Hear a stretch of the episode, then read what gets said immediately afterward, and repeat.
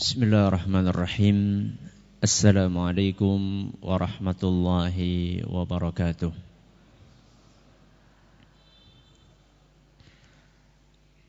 الحمد لله رب العالمين وبه نستعين على أمور الدنيا والدين وصلى الله على نبينا محمد وعلى آله وصحبه أجمعين أما بعد Kita panjatkan puja dan puji syukur kehadirat Allah tabaraka wa taala. Pada kesempatan pagi menjelang siang yang berbahagia kali ini kita kembali diberi kekuatan, kesehatan, hidayah serta taufik dari Allah Jalla wa ala. Sehingga kita bisa kembali menghadiri salah satu di antara majelis ilmu yang kita harapkan semoga Allah tabaraka wa taala berkenan untuk melimpahkan kepada kita semuanya ilmu yang bermanfaat sehingga bisa kita amalkan sebagai bekal untuk menghadap kepada Allah Jalla wa ala. Amin ya rabbal alamin. Salawat dan salam semoga senantiasa tercurahkan kepada junjungan kita Nabi besar Muhammad sallallahu alaihi wasallam kepada para sahabatnya, keluarganya dan umatnya yang setia mengikuti tuntunannya hingga di akhir nanti. Para hadirin dan hadirat sekalian yang kami hormati dan juga segenap pendengar Radio Insani 88 FM di Purbalingga dan sekitarnya para pendengar Radio Bas FM di Solo Tigo dan sekitarnya, pendengar Radio Roja di Jakarta, di Bandung, di Lampung, di Berau, di mana pun Anda berada, para pendengar Radio Hidayah FM di Pekanbaru dan sekitarnya, serta radio-radio dakwah yang lainnya juga pemirsa Yufi TV yang semoga senantiasa dirahmati oleh Allah Azza wa Jal. Orang hidup di dunia pasti akan menghadapi ujian dan cobaan. Tidak mungkin orang yang hidup di dunia itu tidak mengalami yang namanya ujian dan cobaan. Kalau misalnya ada orang yang pengen hidup tanpa cobaan, maka hendaklah dia mencari tempat lain selain selain di bumi. Nyari di mana? Di bulan pun ada ujian. Kalau memang ingin mencari tempat yang tidak ada ujian, itu adanya di surga. Adanya di mana? Surga.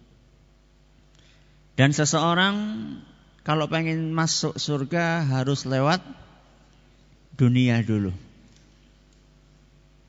Artinya seseorang yang pengen masuk surga dia harus sukses menghadapi ujian dan cobaan yang ada di dunia ini. Cobaan yang Allah berikan di dunia ini macam-macam. Ya. Apalagi di dunia ini kita nggak sendirian. Allah Subhanahu wa taala menciptakan adanya bangsa lain yang bertetangga dengan kita. Siapa itu? Bangsa jin. Yang memang mereka diciptakan salah satunya tujuan mereka diciptakan di muka bumi ini salah satunya adalah untuk mengganggu kita. Makanya wajar seandainya setan menghabiskan seluruh tenaga yang mereka miliki menggunakan seluruh daya dan upaya yang mereka miliki untuk menyesatkan manusia. Masih ketambahan lagi selain setan Allah Subhanahu wa taala juga menyediakan di muka bumi ini para manusia yang memiliki rasa dengki dan iri. yang punya perasaan hasad sehingga banyak orang yang kemudian ingin mencelakakan kita, ingin mengganggu kita. Ya. Akhirnya terjadilah kolaborasi antara setan dengan manusia. Makanya di dalam salah satu ayat yang sering kita baca apa? Minal jinnati wan nas. Kita memohon perlindungan dari Allah minal jinnati dari jin wan nas dan manusia. Jin orang lain yang punya iri dengan kita masih ketambahan yang lainnya adalah kelemahan pribadi kita sebagai manusia yang sangat rentan untuk menderita sakit. Kemudian juga rentan untuk mengalami sesuatu yang namanya stres. Pernah stres nggak? Sering. Oh, jangan-jangan yang datang nih orang stres-stres.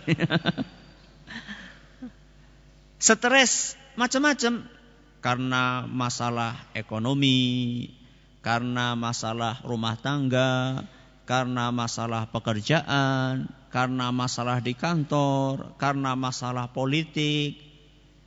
Sudah keluar duit banyak ternyata nggak jadi. Ya. Saya pernah diceritai ada orang keluar duit banyak sekali untuk menduduki salah satu jabatan. Allah menakdirkan nggak jadi.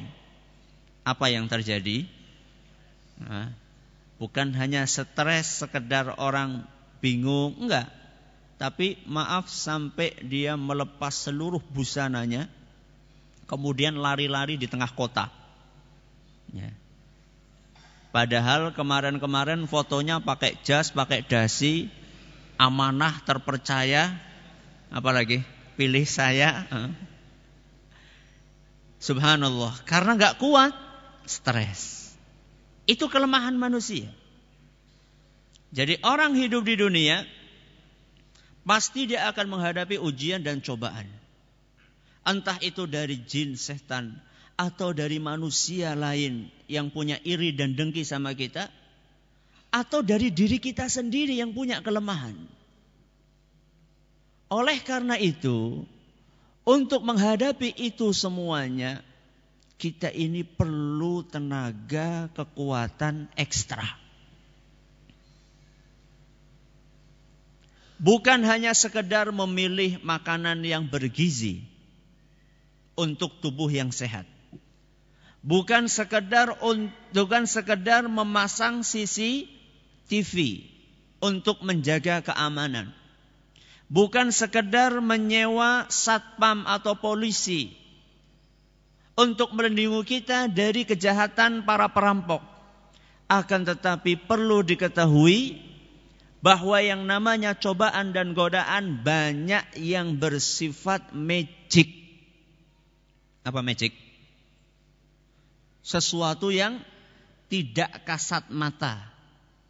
Kalau kasat mata berarti bisa di dilihat. Kalau tidak kasat mata berarti nggak bisa dilihat.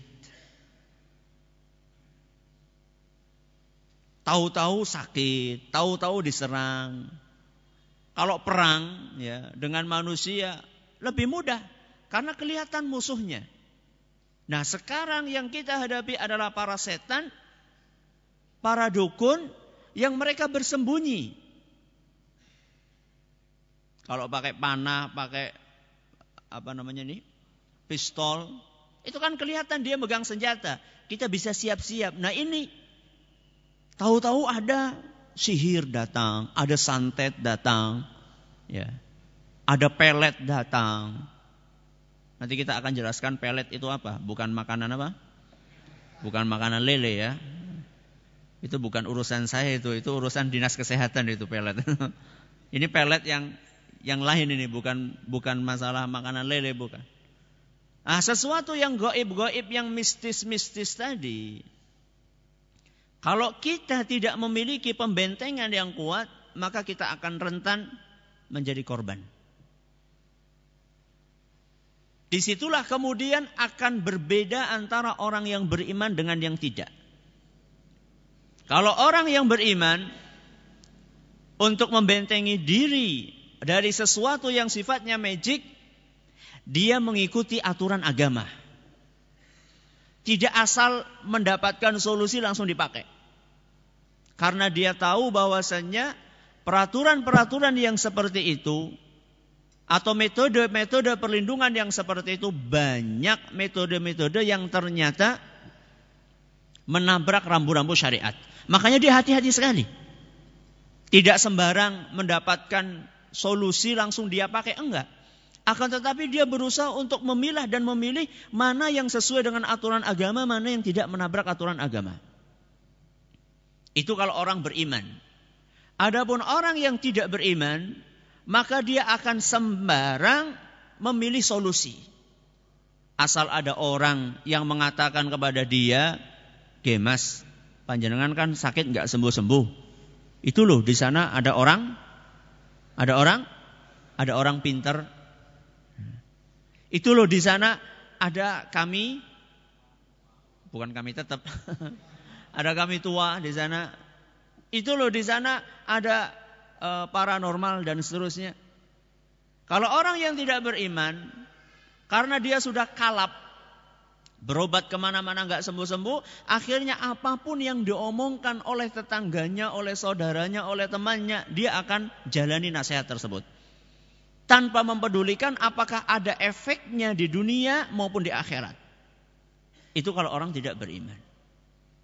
Adapun orang yang beriman, dia akan mengambil solusi yang benar-benar dituntunkan oleh agama karena dia tahu persis bahwa solusi yang ditawarkan oleh agama pasti lebih manjur di dunia dan lebih selamat di akhirat.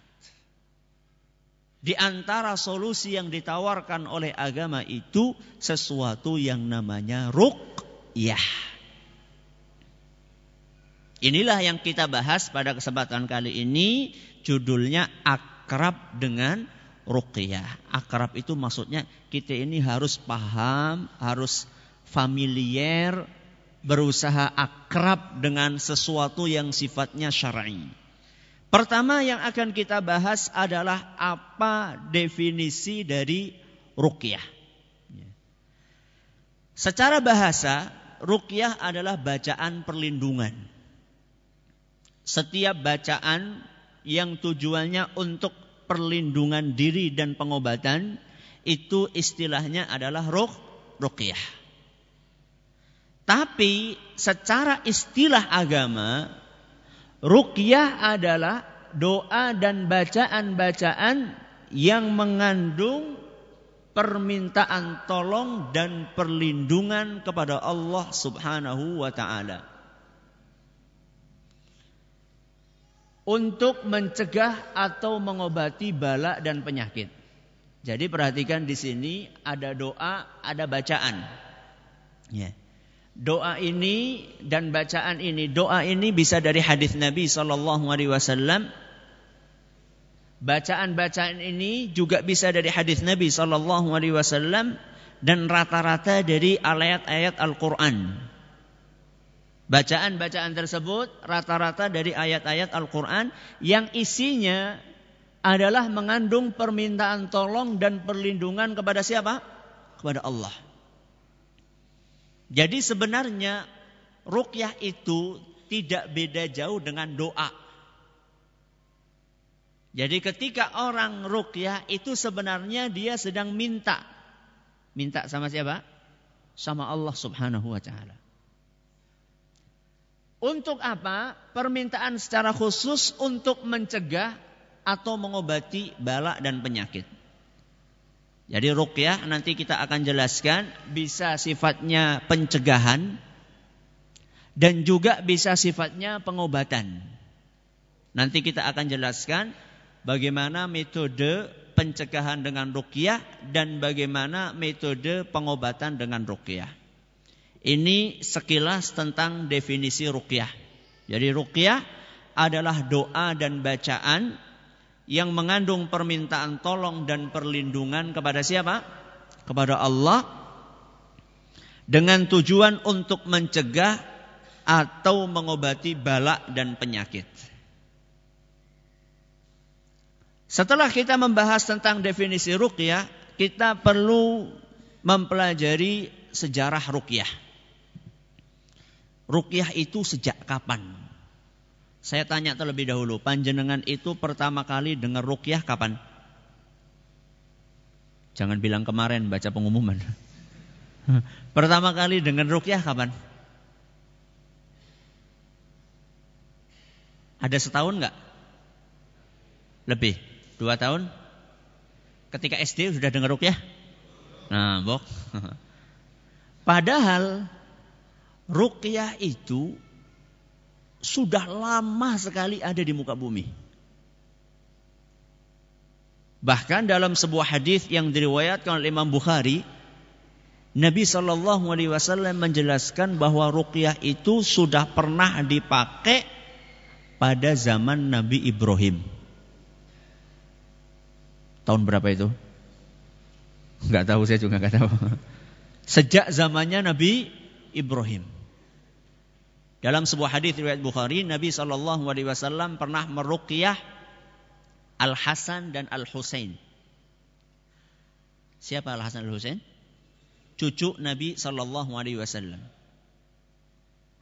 Setelah selesai meruqyah Al Hasan dan Al Husain, Nabi Shallallahu Alaihi Wasallam mengatakan, sungguh ruqyah yang saya baca ini adalah ruqyah yang pernah dipakai oleh Nabi Ibrahim untuk meruqyah dua putranya. Siapa itu? Nabi Ismail dan Nabi Ishak alaihi wassalam.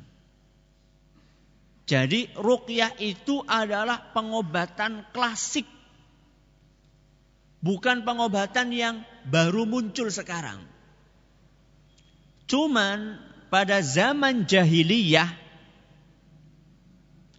ruqyah itu dipakai juga hanya saja ruqyah yang dipakai oleh orang-orang jahiliyah mengandung unsur-unsur yang menyimpang dari ajaran agama Islam.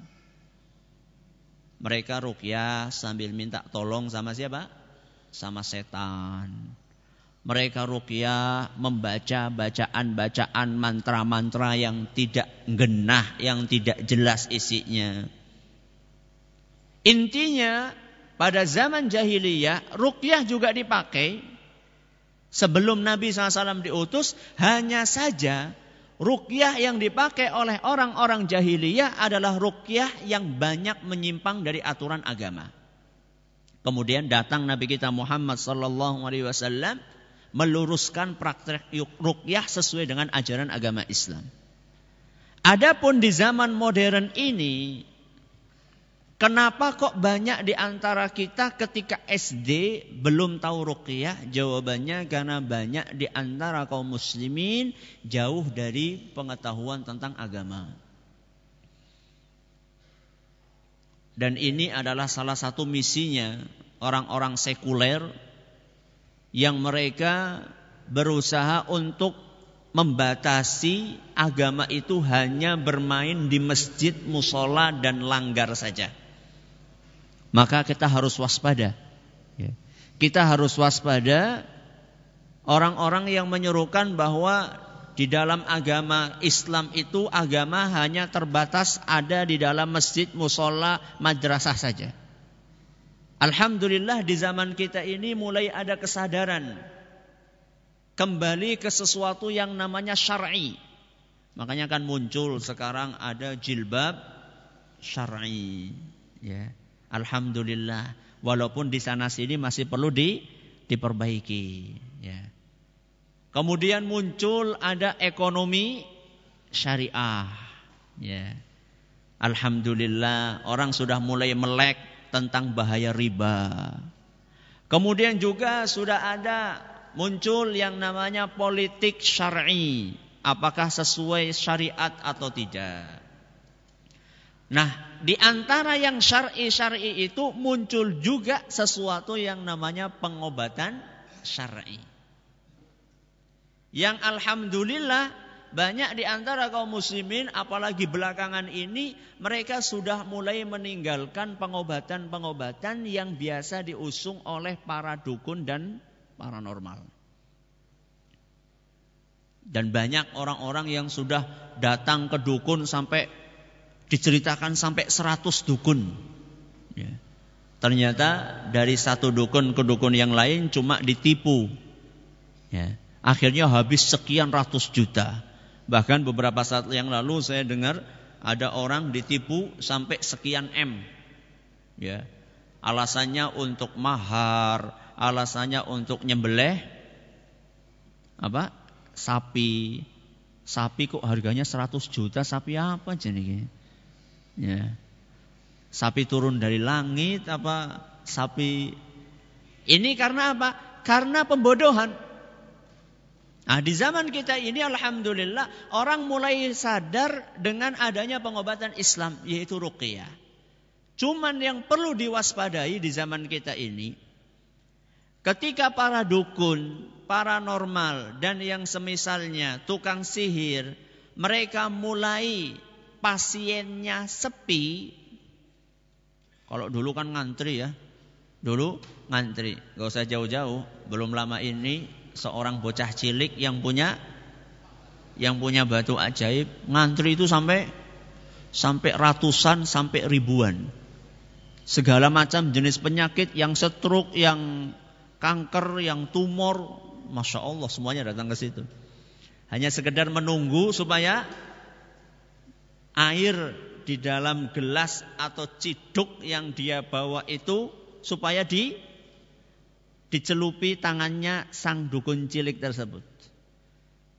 Alhamdulillah belakangan ini orang mulai sadar, oh ternyata itu nggak benar. Akhirnya akibatnya, imbasnya dukun-dukun yang dulunya rame sampai ngantri, sekarang mulai kehabisan pasien. Ketika melihat ada peluang untuk banting setir, maka mereka pun ikut banting setir. Dulunya biasanya pakai uh, blangkon, pakai ikat, pakai uh, keris. Karena sekarang namanya rukyah, maka berubah menjadi kiai, ya, menjadi wali. Yang biasanya pakai ikat berubah pakai sorban yang biasanya pakai baju hitam-hitam berubah menjadi jubah. Yang dulu biasanya bawa keris sekarang pakai tasbih. Yang dulu biasanya bakar menyan sekarang pakai apa? pakai minyak wangi mungkin ya.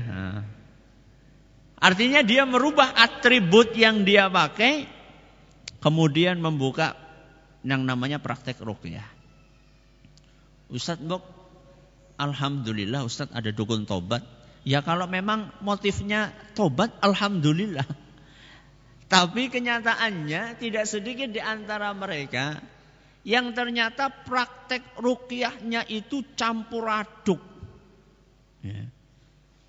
Campur aduk antara yang dijelaskan di dalam agama dengan praktek-praktek yang dia modifikasi sendiri.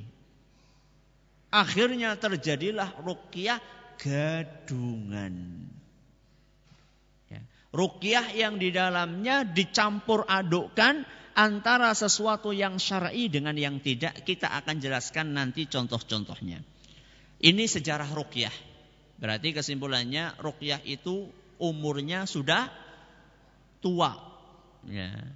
Cuman banyak di antara kita yang belum tahu karena kita kurang mendalami agama dan di zaman ini akhir-akhir ini alhamdulillah orang mulai sadar dengan ruqyah. Hanya saja perlu diwaspadai banyak orang yang dompleng dengan isu anget ruqyah. Ya. Nah berikutnya landasan syar'i dari ruqyah. Apa landasannya kita menggunakan ruqyah?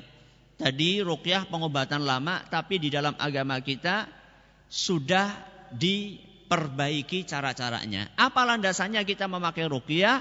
Yang pertama karena Rasulullah Shallallahu Alaihi Wasallam pernah meruqyah dirinya sendiri. Ini yang pertama.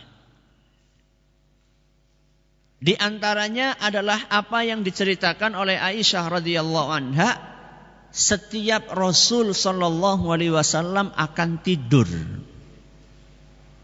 Sudah praktek atau belum? Apa yang dilakukan Rasul sebelum tidur?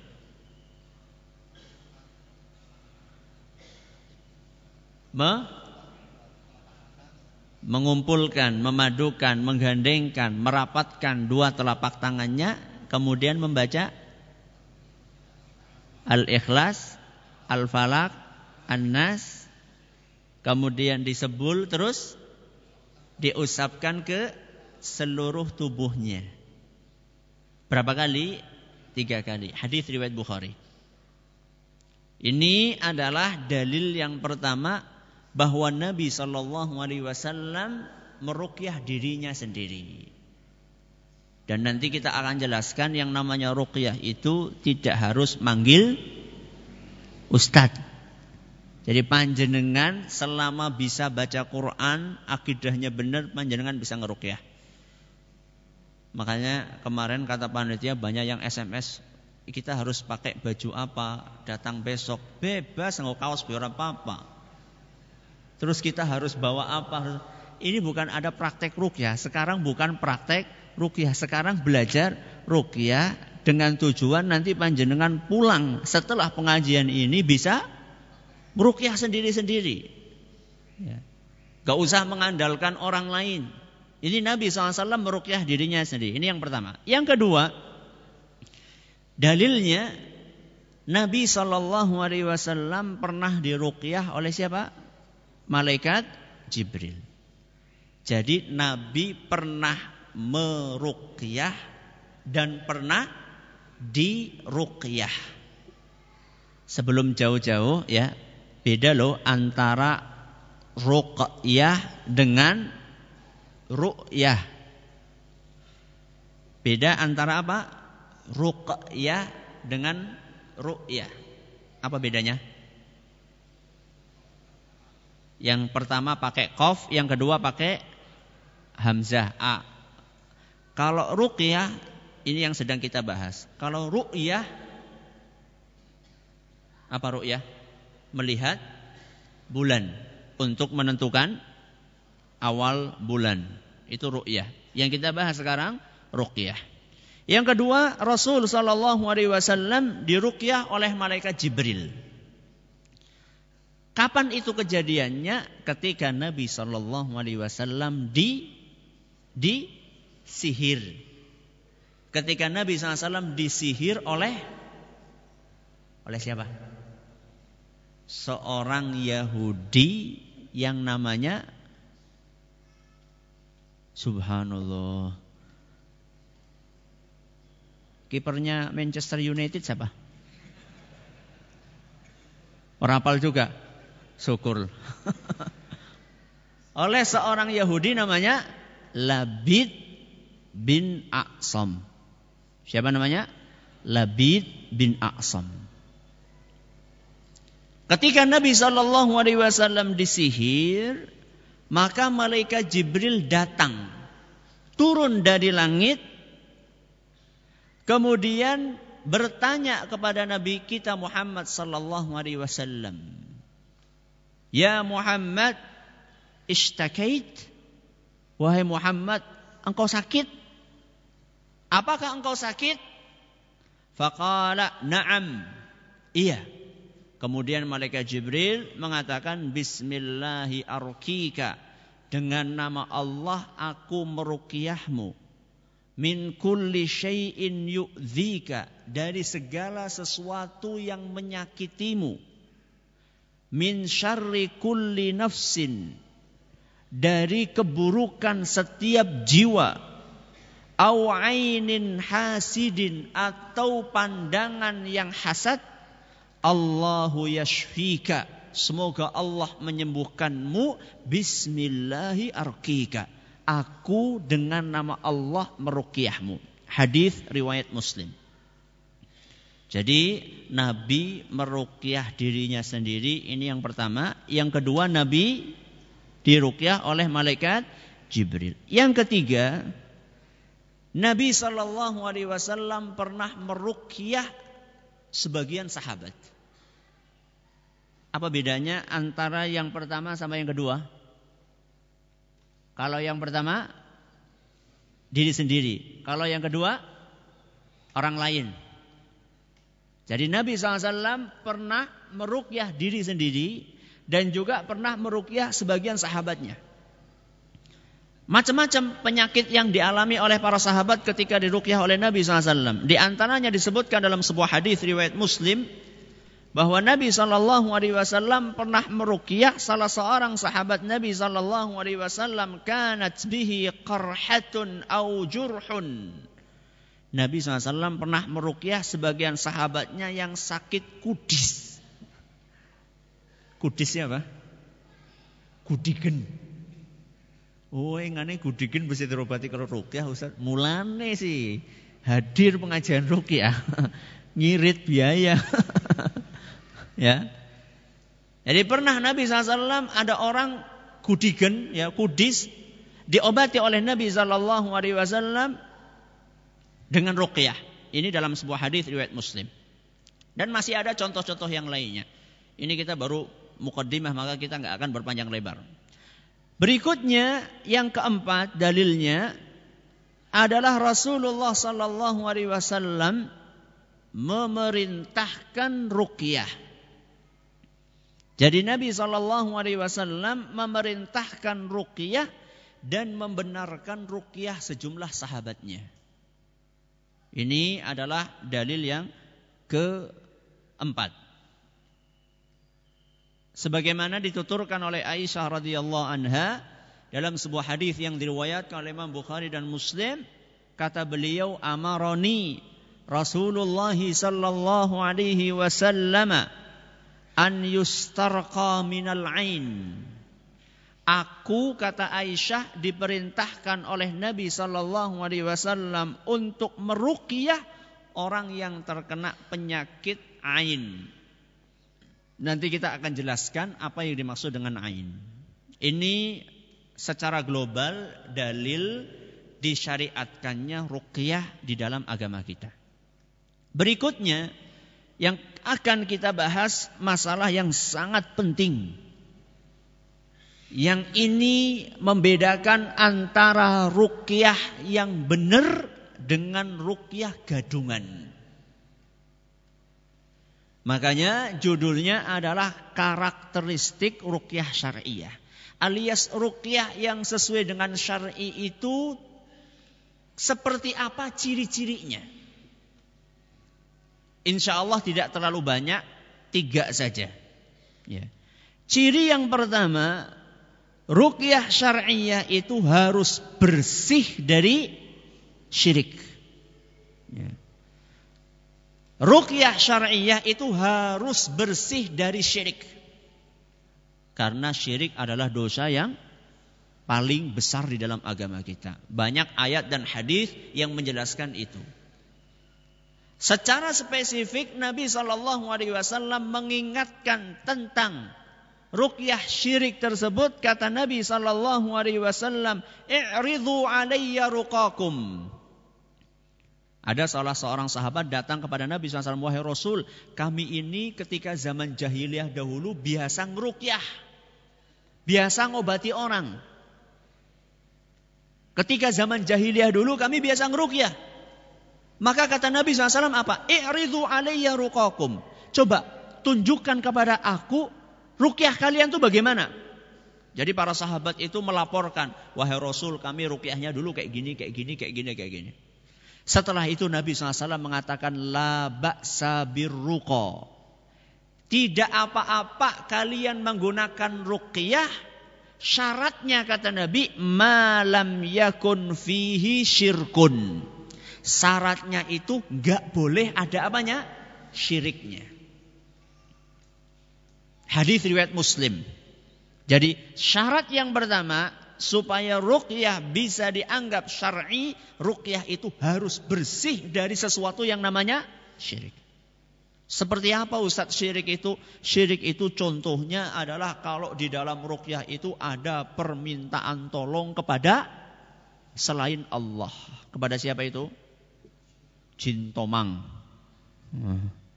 Atau kepada uh, siapa sih yang biasa diminta tolong?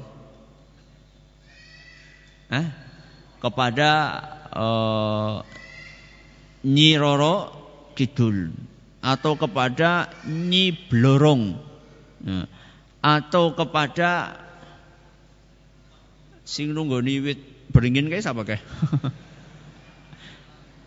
ada yang tahu buk ada yang tahu buk ada yang pernah kenalan nah. intinya minta tolong kepada selain Allah Terutama orang-orang yang sudah pada meninggal-meninggal. Sekalipun itu, ya, sekalipun itu kepada para wali. Ya, kepada syekh siapa, syekh siapa, itu nggak boleh. Kalau misalnya ada ruqyah, di dalamnya ada unsur permohonan kepada selain Allah, kepada setan, kepada jin, kepada malaikat, kepada wali, maka ketahuilah bahwa itu termasuk ruqyah yang tidak syar'i. Jadi syarat yang pertama apa? Harus bersih dari praktek kesyirikan. Syarat yang kedua, supaya ruqyah itu dianggap syar'i, penting ini. Redaksi. Redaksi itu apa sih? Bacaannya. Ya, bacaannya yang dibaca, kemudian maknanya, ya. Terus cara rukyahnya harus jelas dan benar. Ini syarat yang perlu diperhatikan baik-baik karena di sini banyak orang keliru. Saya akan awali dengan redaksinya dulu. Ya, setelah itu saya akan membicarakan tentang cara. Ya. Yang pertama redaksinya. Redaksinya harus jelas. Tidak boleh menggunakan mantra-mantra yang tidak difahami maknanya. Contohnya apa? Wes, wes, wes. Oh, nggak tahu saya itu apakah itu itu bisa dipahami atau tidak saya nggak tahu. Pokoknya ada rukyah rukyah yang biasanya dipakai oleh para dukun.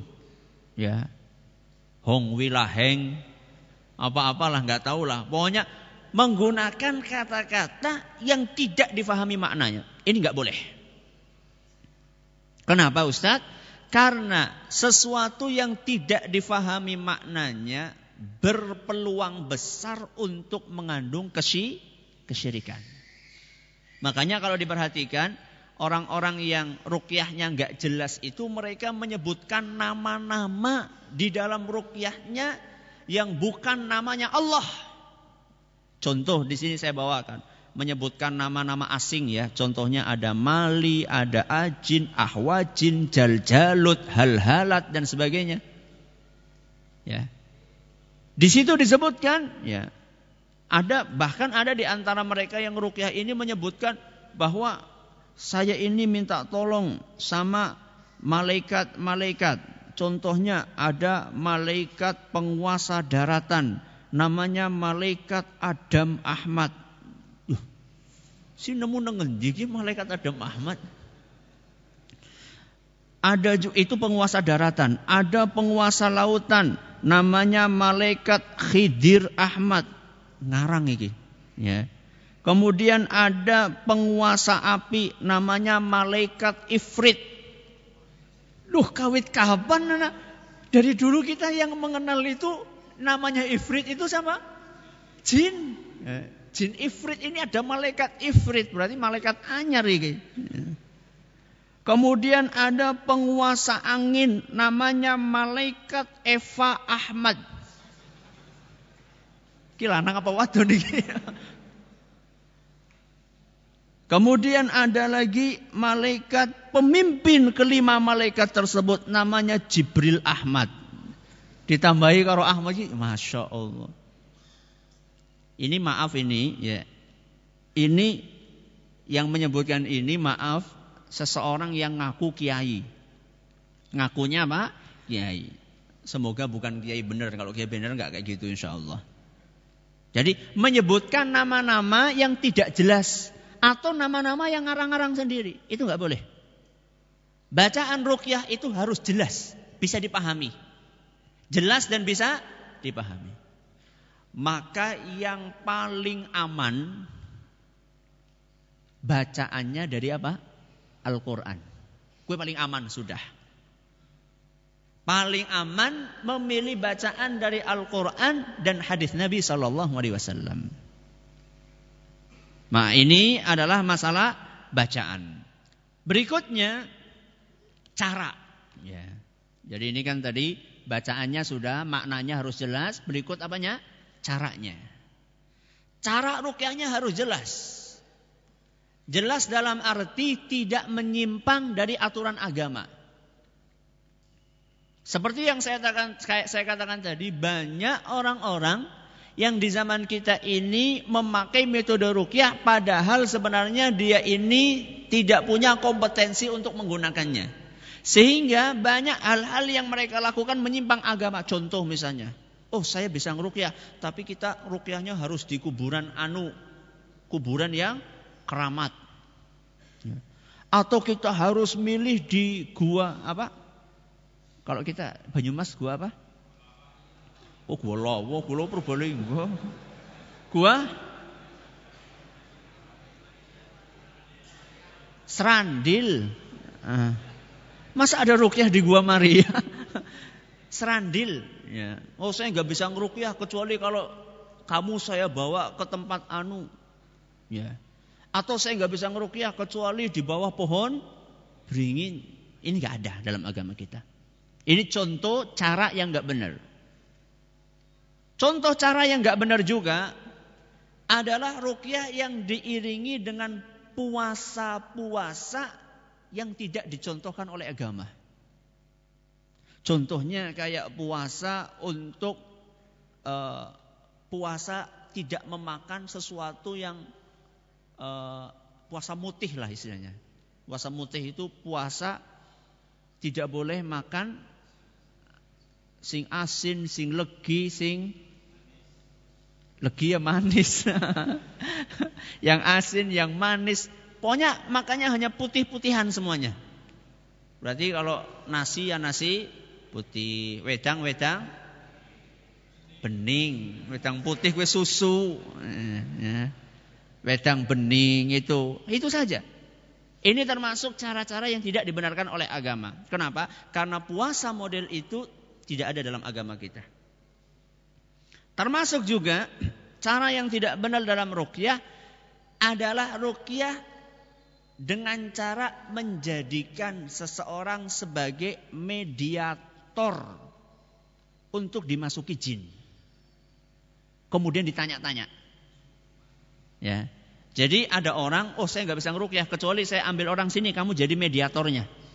Jadi jinnya dipindahkan ke sini terus diajak ngobrol, ya, diajak curhat dan seterusnya.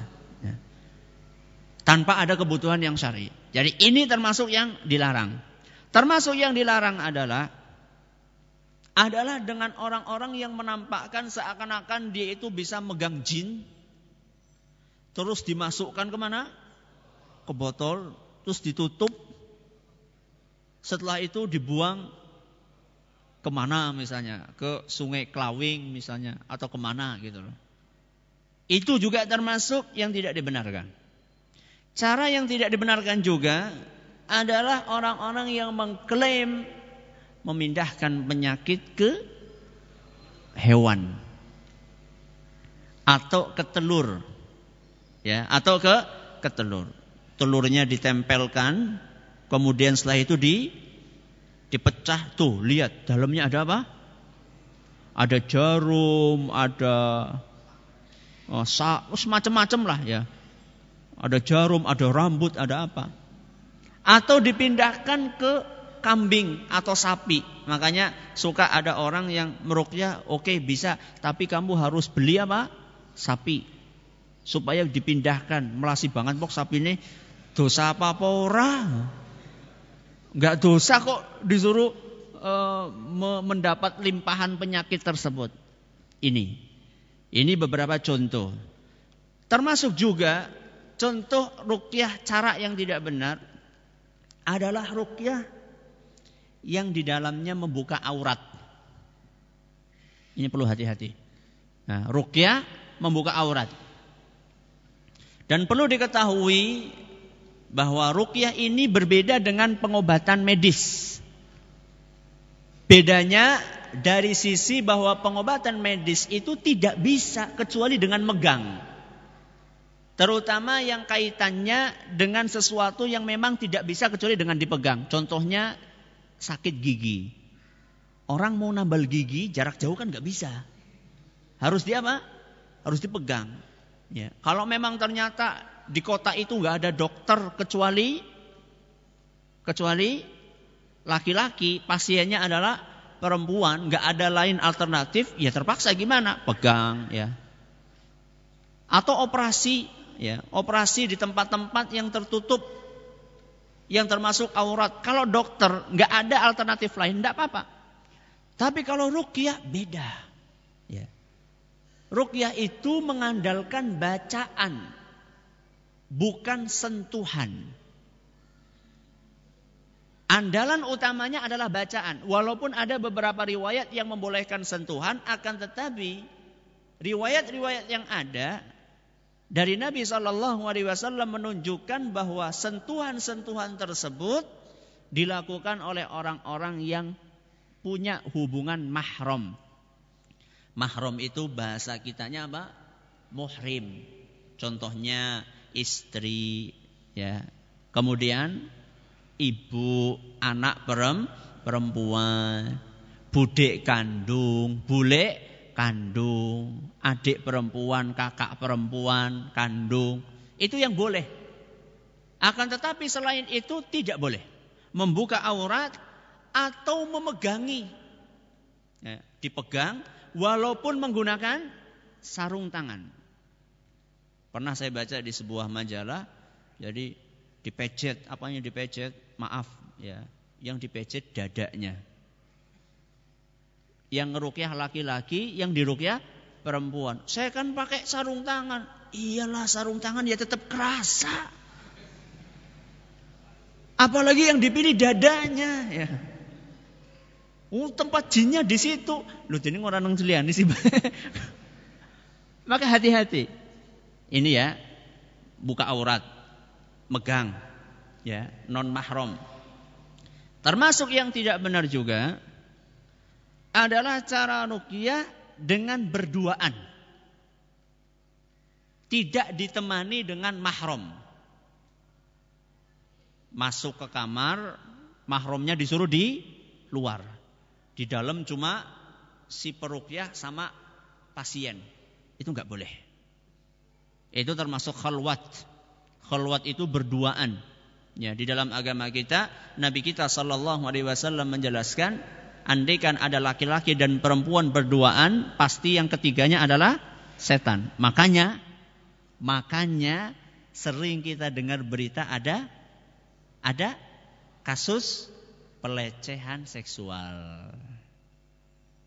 Makanya panjenengan, wahai para suami, kalau ingin membawa istri panjenengan untuk rukyah kepada seseorang, temani. Jangan jenengan katakan, lah nyong percaya lah kalau ustate masa sih ustate harap kayak gue. Ustadz juga manusia.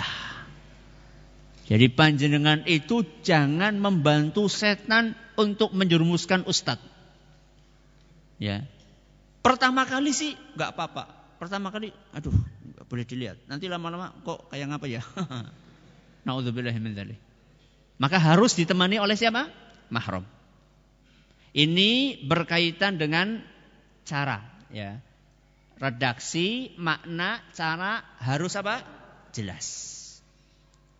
Berikutnya karakter yang ketiga Rukyah yang syar'i itu rukyah yang tidak diyakini bisa menyembuhkan dengan sendirinya. Yang tidak diyakini bisa menyembuhkan dengan sendirinya. Maksudnya rukyah itu bisa menyembuhkan dengan izin siapa? Allah. Mengapa Ustadz? Karena rukyah itu cuma ikhtiar. Cuma sebab saja. Dan sebab itu tidak bisa menyembuhkan kalau tidak ada kehendak dari Allah. Kalau boleh saya umpamakan, rukyah itu seperti obat. Apakah setiap orang sakit minum obat sembuh? Sembuh nggak? Nggak mesti. Kadang sembuh, kadang tidak. Saya kasih analogi. Ada dua pasien. Ada dua pasien. Si A dan si B sama-sama kena penyakit kanker stadium tinggi. Dua-duanya si A dan si B sama-sama pergi ke dokter ahli kanker. Dan dosis obat yang diberikan sama, kemonya sama, waktunya sama, akan tetapi setelah sekian kali si A mari, si B mati. Apa yang membedakan? Kenapa si A sembuh, si B meninggal? Padahal penyakitnya sama. Treatmentnya, penanganannya sama. Dokternya sama. Rumah sakitnya sama. Karena si A Allah kehendaki sembuh, sedangkan si B tidak dikehendaki oleh Allah sembuh. Makanya yang ketiga rukyah ini ya harus tidak boleh diyakini menyembuhkan sendiri. Tapi yang menyembuhkan siapa? Allah. Termasuk kaitannya dengan ini adalah firman Allah ketika menceritakan perkataan Nabi Ibrahim alaihissalam wa idza maridtu fahuwa yashfin. Kata Nabi Ibrahim, kalau aku sakit yang menyembah yang menyembuhkanku adalah Allah. Ini dalam Al-Quran surat Ash-Shu'ara ayat 80. Jadi Nabi Ibrahim mengajarkan pada kita kalau kita sakit yang menyembuhkan adalah Allah. Makanya dari sini sebenarnya ya kalau orang berapa berapa kali orang datang ke rumah Ustadz ya sini minta tolong di rukyah. Ya kalau saya bisa rukyah saya bantu. Akan tetapi saya katakan selalu saya katakan Siapa yang diruqyah? Anak saya, istri saya, ibu saya, bapak saya. Biasanya kayak gitu. Terus saya katakan sama mereka, kamu bisa baca Quran enggak? Anda bisa baca Quran enggak? Bisa.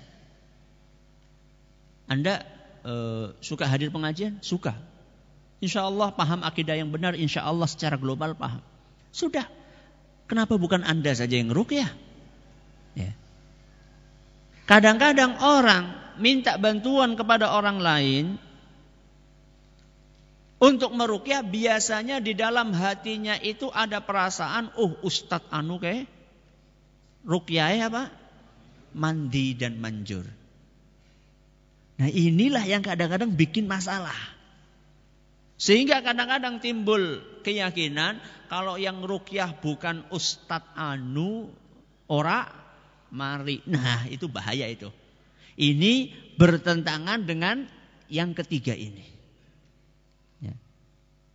Ya. Makanya sering saya katakan sudah Anda saja yang merukyah. Justru kalau misalnya Anda merukyah karena itu anak Anda, karena itu istri Anda, karena itu ibu Anda, saya yakin Anda lebih ikhlas. Karena ngobati siapa?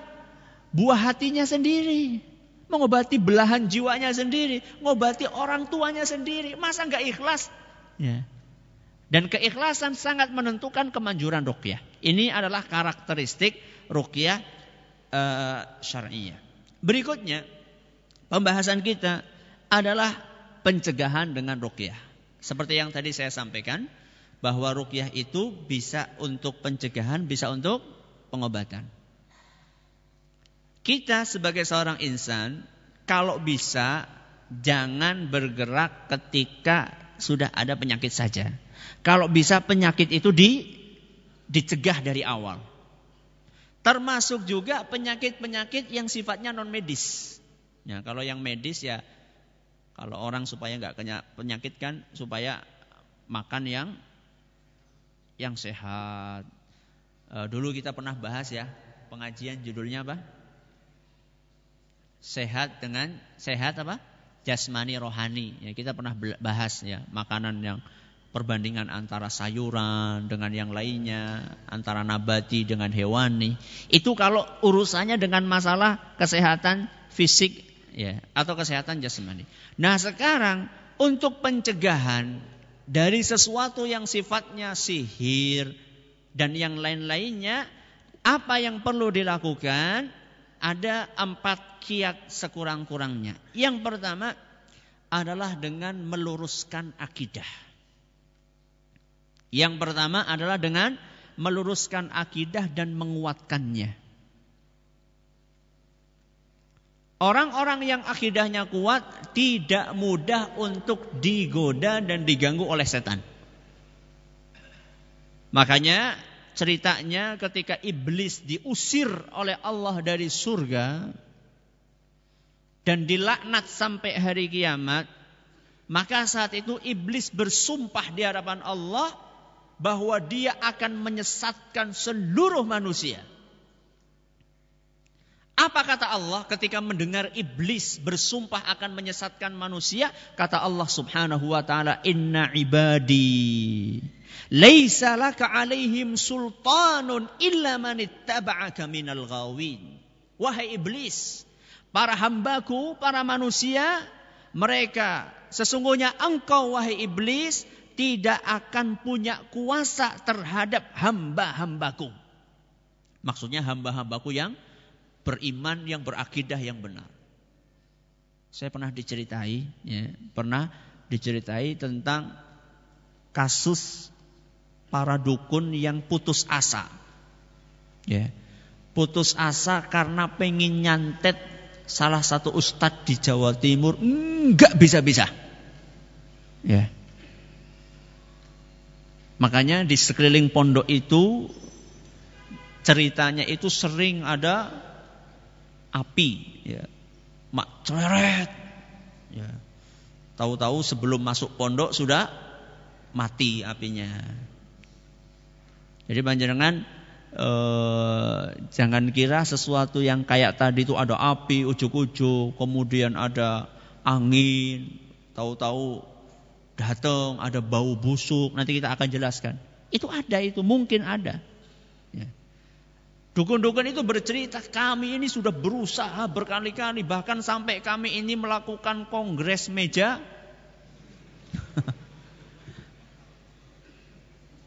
kongres meja kotak mungkin ya. Gimana kita bahas, gimana caranya kita bisa nyantet ini ustadz. Ternyata nggak bisa-bisa. Ternyata ustadznya ini loh seorang yang masya Allah akidahnya lurus, ibadahnya lu, luar biasa, malam tahajudnya itu lama kalau tahajud. Pernah diceritakan ada tamu ya, ada tamu yang datang ke pesantren itu malam-malam lihat pada tahajud ya, diimami sama pas Ramadan atau apa gitu, diimami sama kiainya tersebut sama ustaznya tersebut, dia ikut gabung di situ. Dia pikir kayak umumnya teraweh-teraweh di kampung-kampung gitu kan. Ternyata sholatnya suwe banget. Diceritakan sampai tamu itu pingsan. Karena dia nggak terbiasa. Dan itu dia lakukan. Ustadz itu hampir tiap hari seperti itu terus. Orang yang seperti ini sulit untuk diserang dengan gangguan sihir atau setan. Tapi sebaliknya, orang yang akidahnya rapuh, masih percaya dengan apa? jimat, klenik, keris, ake. Banyak orang yang nanya nih belakangan ini, Ustadz gimana hukumnya pakai cincin ake? Sekarang ini lagi rame-ramenya batu kelawing katanya ini paling bagus. Saya katakan pakai batu cincin itu nggak apa-apa selama hanya sekedar untuk AC aksesoris. Yang tidak boleh itu kalau diyakini batu ini ada penunggunya, ada isinya. Itu yang nggak boleh. Ada kekuatan mistiknya, ada kekuatan gaibnya. Itu nggak boleh. Tapi kalau sekedar orang pakai cincin, ada batu akiknya, sekedar untuk aksesoris, nggak apa-apa. Tapi masalahnya para pedagang itu kadang-kadang kalau sekedar jual batu tidak dibumbui dengan cerita-cerita mistis biasa nih orang larang nih. Ya, akhirnya dibumbui ini batu ini saya temukan setelah bertapa 40 hari 40 malam. Mong kosong dari mana? Maka kalau orang masih percaya dengan mistik-mistik, dengan jimat-jimat, ya. Orang yang seperti ini sangat rentan untuk terkena gangguan setan. Termasuk juga orang-orang yang sulit menerima takdir Allah.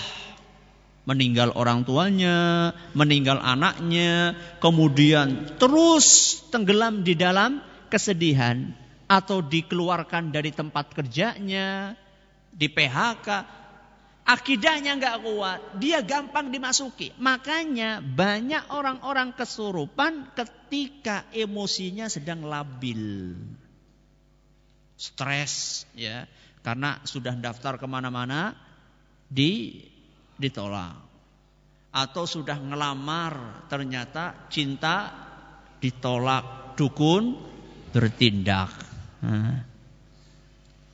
Atau karena ini dan lain sebagainya orang-orang yang seperti ini sangat mudah rentan untuk terkena gangguan setan dan sihir ini adalah kiat yang pertama dengan meluruskan apa akidah. Yang kedua adalah dengan rajin untuk sholat berjamaah.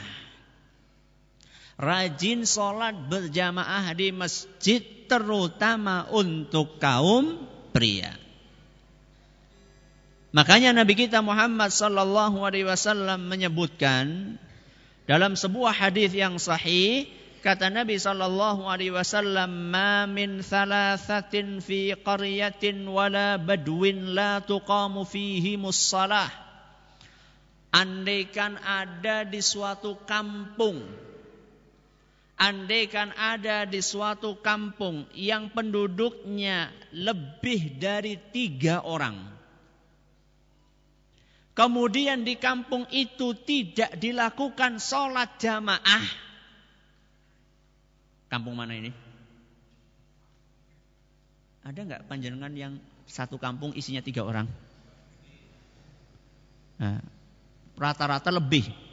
Kalau sampai satu kampung, kok penghuninya lebih dari tiga, lalu di kampung itu tidak dilakukan sholat berjamaah, illa qad istahwadha alaihimus syaitan Melainkan orang-orang itu semuanya sudah dikuasai oleh setan. Hadis riwayat Abu Dawud dan sanatnya dinilai sahih oleh Imam Al-Hakim dan Ibnu Hibban. Maka perhatikan. Kampung-kampung yang masjidnya sepi. Oh berarti dewek rame-rame gawe beduk sing rame bukan. Maksudnya sepi dari apa?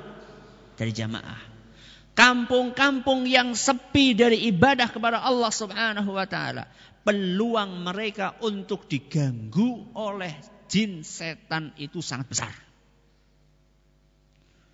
Bagaimana Ustadz? Gak ada temannya Ustadz. Gak apa-apa. Daripada kita ikut dikuasai oleh setan. Ustadz, saya kalau ke masjid sendirian. Enggak apa-apa.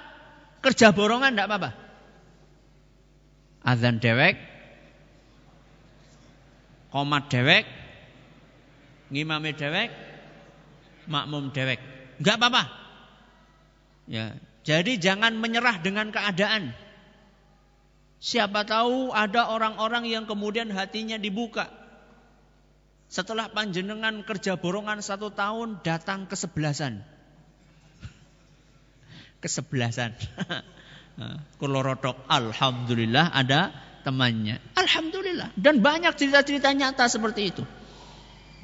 Setelah satu tahun, dua tahun, mulai ada orang yang tobat gitu kan. Watuk-watuk, wis pacule sih. Alhamdulillah ada temannya. Gak apa-apa. Daripada kita dikuasai oleh setan. Ini yang keberapa? Ini yang kedua. Yang ketiga, di antara kiat pencegahan dengan ruqyah adalah rutin mengamalkan zikir yang diajarkan oleh Rasul sallallahu alaihi wasallam. Rutin mengamalkan zikir yang diajarkan oleh Rasulullah sallallahu alaihi wasallam.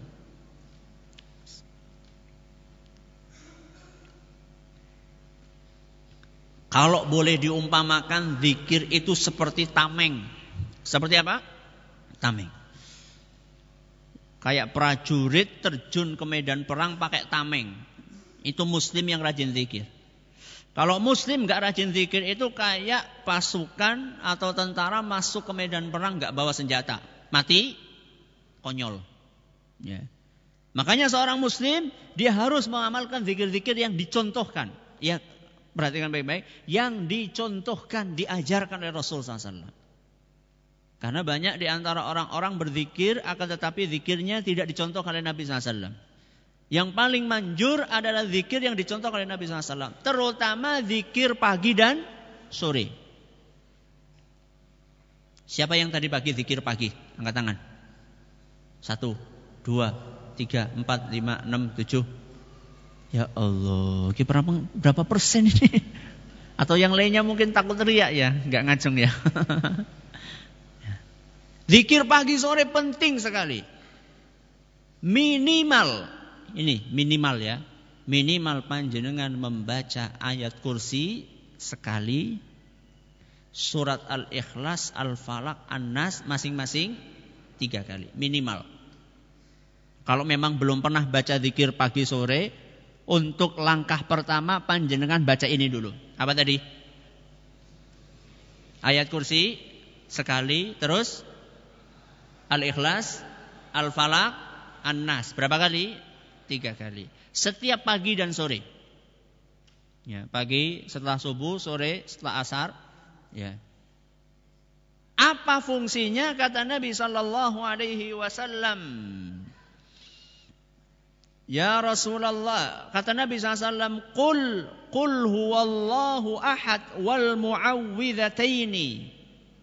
Bacalah surat Al-Ikhlas dan bacalah surat Al-Falaq dan An-Nas setiap pagi dan sore salah marrat tiga kali takfika min kulli syai'in Zikir itu akan melindungimu dari segala sesuatu.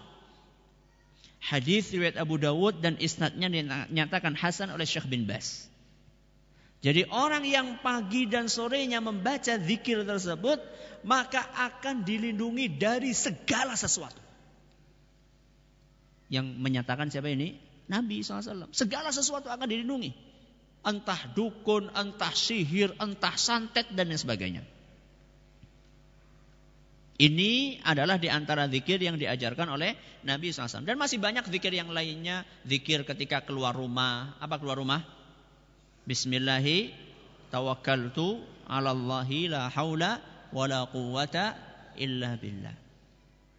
Siapa yang belum hafal? Bismillahi tawakkaltu siapa yang belum hafal? Hafal semua? Alhamdulillah. Siapa yang tadi nggak baca ketika keluar rumah berangkat ke sini bacanya? Coba ngacung. Ini senyumnya senyum meragukan ini. senyum mencurigakan. Apal tapi tidak dipraktekkan. Apa gunanya? Ya. Keluar rumah, ya, masuk rumah nanti kita akan jelaskan. Sudah. Ini adalah zikir. Berikutnya kiat yang keempat adalah dengan cara memagari rumah. Dengan cara memagari rumah. Perhatikan baik-baik. Di situ saya kasih apa? Tanda kutip. Ya, saya kasih tanda kutip memagari. supaya nanti jangan ada yang mengatakan Ustadz pagar rumahku wis dur banget. Malah saya tambahi dengan apa namanya itu? Beling. Setelah saya tambahi beling nggak cukup tak tambahi kawat. Belum cukup juga tak tambahi setrum. Kurang apa Ustadz pagar rumah saya? Ya kurang berperi kemanusiaan. Sudah, ya. Apa yang dimaksud dengan pagar rumah di sini? Pagar rumah yang saya maksud di sini adalah memagari rumah kita dari serangan-serangan yang sifatnya gaib, mistis, magic, ya. Kalau pagar-pagar tadi itu hanya menghalangi ma maling, kalau pagar yang saya maksud di sini adalah menghalangi setan-setan supaya tidak masuk, merusak, mengganggu kita. Di dalam kultur budaya kita ada juga pagar-pagar seperti itu. Sebagian orang meyakini supaya rumahnya dipagari dengan cara menanam bambu bambu kuning. Ada sebagian orang lain meyakini menanam kelor. Ya. Ada lagi yang meyakini di Jawa Timur menanam pohon pepaya. Ya. Ya bebas California apa. Loh Ustaz, saya pernah ke rumahnya Ustaz itu banyak pohon apa? Pohon-pohon pepaya itu. Jangan-jangan Ustaz juga gitu. Enggak, kalau itu saya tanam untuk dikonsumsi. Ya. Ada sebagian orang meyakini seperti itu. Ada juga yang meyakini kalau ditanami pohon sawo nanti di situ akan jadi tempat uh, setan, tempat nginep setan dan seterusnya. Nah, di rumah saya depan belakang ada pohon sawonya.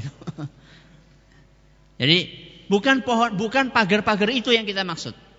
Yang dimaksud dengan pagar gaib yang sesuai dengan aturan agama adalah yang akan saya sebutkan sekarang. Yang pertama adalah mengucapkan salam sebelum masuk rumah.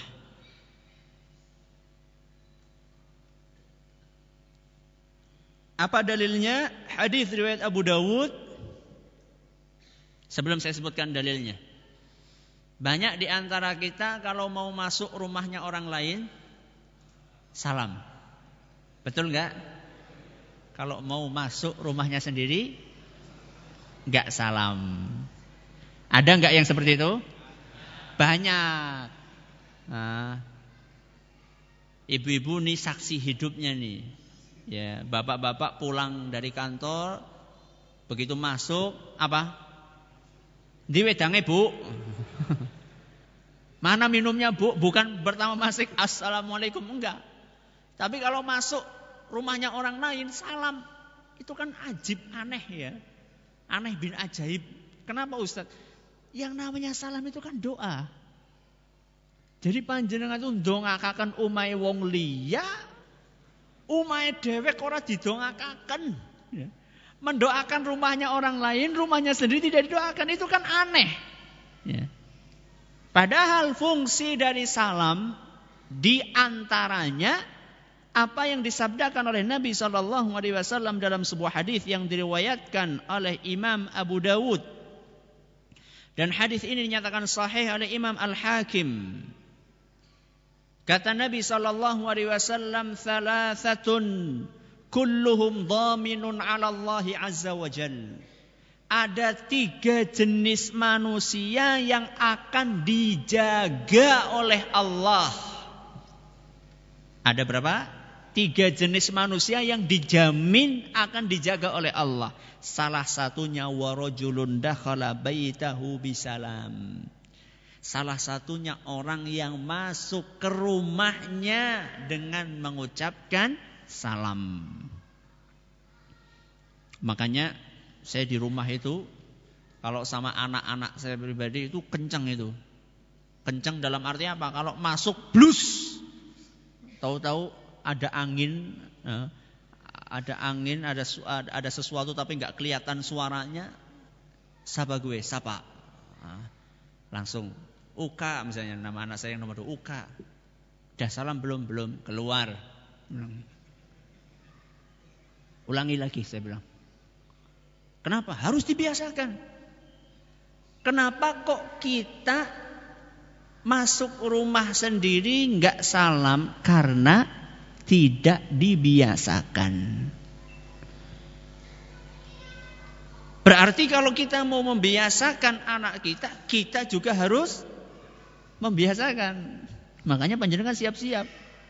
Ya, masuk rumah tanpa salam, Pak, Pak, Pak. Keluar, Pak. anak kita ternyata harus terima panjenengan. Kenapa? Konsisten. Ya. Nyuruh anaknya salam, dianya nggak salam. Kalau saya digitukan sama anak saya, saya akan ucapkan, nak, terima kasih, nak, jazakallah khair, matur nuwun, nak, sudah diingatkan. Harus seperti itu. Apa? Sa salam. Yang kedua adalah mengucapkan basmalah. Ya. Kalau salam itu adalah sebelum masuk. Kalau bismillah itu ketika masuk. Jadi sebelum masuk panjenengan assalamualaikum, kemudian ketika masuk baca apa? Bismillah. Nabi Wasallam menjelaskan dalam hadis riwayat Muslim, barang siapa yang masuk ke rumahnya tidak membaca basmalah, maka setan akan berkata adraktumul mabit. Setan akan berkata kepada teman-temannya, kita bisa nginep di rumah ini. Kalau kita nggak baca apa? Bismillah. Tapi kalau kita baca basmalah, setan mengatakan la mabita lakum. Kita nggak bisa nginep. Ya Allah Ustaz, nyong wis swidak tahun. Sudah 60 tahun masuk rumah nggak baca bismillah berarti setannya wis pira nang rumah iki. Hati-hati ya. Berarti kalau orang masuk rumah nggak baca basmalah berarti dia masuk membawa setan. Temenan Ustaz, bener ini Ustaz. Ini saya sudah 60 tahun, gimana solusinya? Nanti kita akan bahas solusi berikutnya. Ini yang keberapa? Yang ketiga. Yang keempat, yang ketiga maaf. Yang ketiga berarti ini yang pertama, yang kedua, yang ketiga. Yang ketiga mengucapkan bismillah ketika nutup jendela, pintu jendela perkakas. Terutama di sore hari. Hati-hati orang-orang yang kalau malam-malam suka membiarkan jendelanya terbuka. Kalau sudah sore-sore menjelang maghrib, tutup semuanya. Sambil mengucapkan bismillah. Kata Nabi sallallahu alaihi wasallam, "Idza kana junhul laili aw amsaytum fakuffu sibyanakum." Kalau sudah masuk waktu sore, orang Jawa mengatakan kalau sudah masuk sandekala. Kata Nabi sallallahu alaihi wasallam, "Kuffu sibyanakum." Tahan anak-anak kalian. Jangan biarkan apa? Kelayaban Fa inna syayatina tantashiru hina idzin. Karena pada saat itu setan berkeliaran. Hati-hati yang punya anak yang suka olahraga, bal-balan, main bola sampai menjelang maghrib. Ingatkan anak-anak. Ini salah satu yang menyebabkan anak-anak suka terganggu, ya kesurupan dan seterusnya. Karena sore-sore dibiarkan berkeliaran. Tahan mereka, masukkan ke rumah. Kemudian kata Nabi SAW, fa'aghliqul abwaba wadhkurusmallah. Tutuplah pintu-pintu sambil mengucapkan bismillah. Karena setan tidak bisa membuka pintu yang dibacakan bis bismillah. Hadis riwayat Bukhari dan Muslim. Termasuk juga bejana-bejana yang ada di rumah. Yang keempat, eh iya ini benar keempat ya. Yang keempat, memakmurkan rumah dengan ibadah dan membaca Al-Quran. Memakmurkan rumah dengan ibadah dan membaca Al-Quran.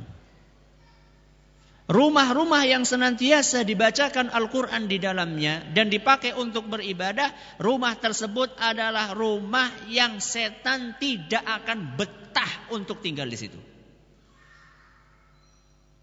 Jangankan tinggal di situ, mendekat saja nggak mau setan. Disebutkan dalam sebuah hadis yang diriwayatkan oleh Imam At-Tirmidzi.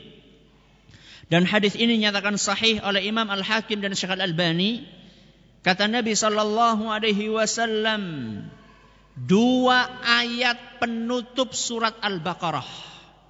Apa itu?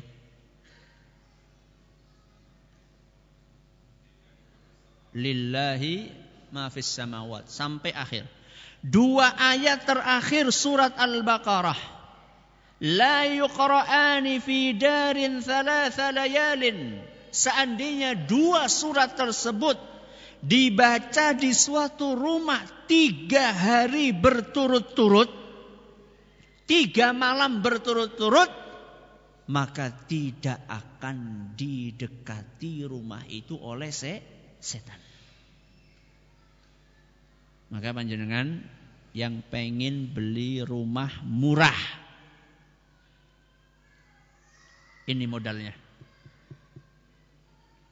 Paham gak ini maksudnya? Biasanya kan kalau rumah murah itu rumah yang angker. Ya, bekas ada orang kendat. Nah, katanya ada sundel bolongnya. Ini yang modalnya cekak, ya. Modal finansialnya cekak nyari rumah yang besar tapi murah. Nah, jangan cuma modal duit nih, modal nih. Baca ini. Kok saya sudah baca tiga hari nggak keluar keluar panjenengan yang keliru bacanya berarti. Nggak terlalu kuat bacaannya ini. Kenapa? Nanti kita akan bahas. Itu supaya setan tidak betah tinggal di rumah. Makanya Nabi SAW selain tadi surat akhir dua ayat terakhir surat Al-Baqarah, Nabi SAW juga mengajarkan kita untuk membaca surat Al-Baqarah. Kata Nabi SAW, Inna syaitana yanfiru minal baiti alladhi tuqra'u fihi suratul Baqarah. Setan akan lari dari rumah yang di dalamnya dibacakan surat Al-Baqarah. Hadis riwayat Muslim. Ini adalah pencegahan dengan ruqyah. Sekarang kita akan masuk materi inti. Sudah jam berapa? Sudah jam tengah sebelas lewat sedikit. Kita pending sebentar ya, lima menit. Nanti kita lanjutkan. Yang mau tanya silahkan di di apa? Ditulis supaya nanti waktunya bisa uh, bisa apa? Bisa efisien Syukur-syukur nanti ada yang nyortir dari panitia. Pertanyaannya kalau bisa seputar materi. Panitia tolong yang pertanyaannya tidak seputar materi di sementara dikesampingkan. Setelah ini kita akan lanjutkan 5 menit tentang pengobatan dengan rukyah.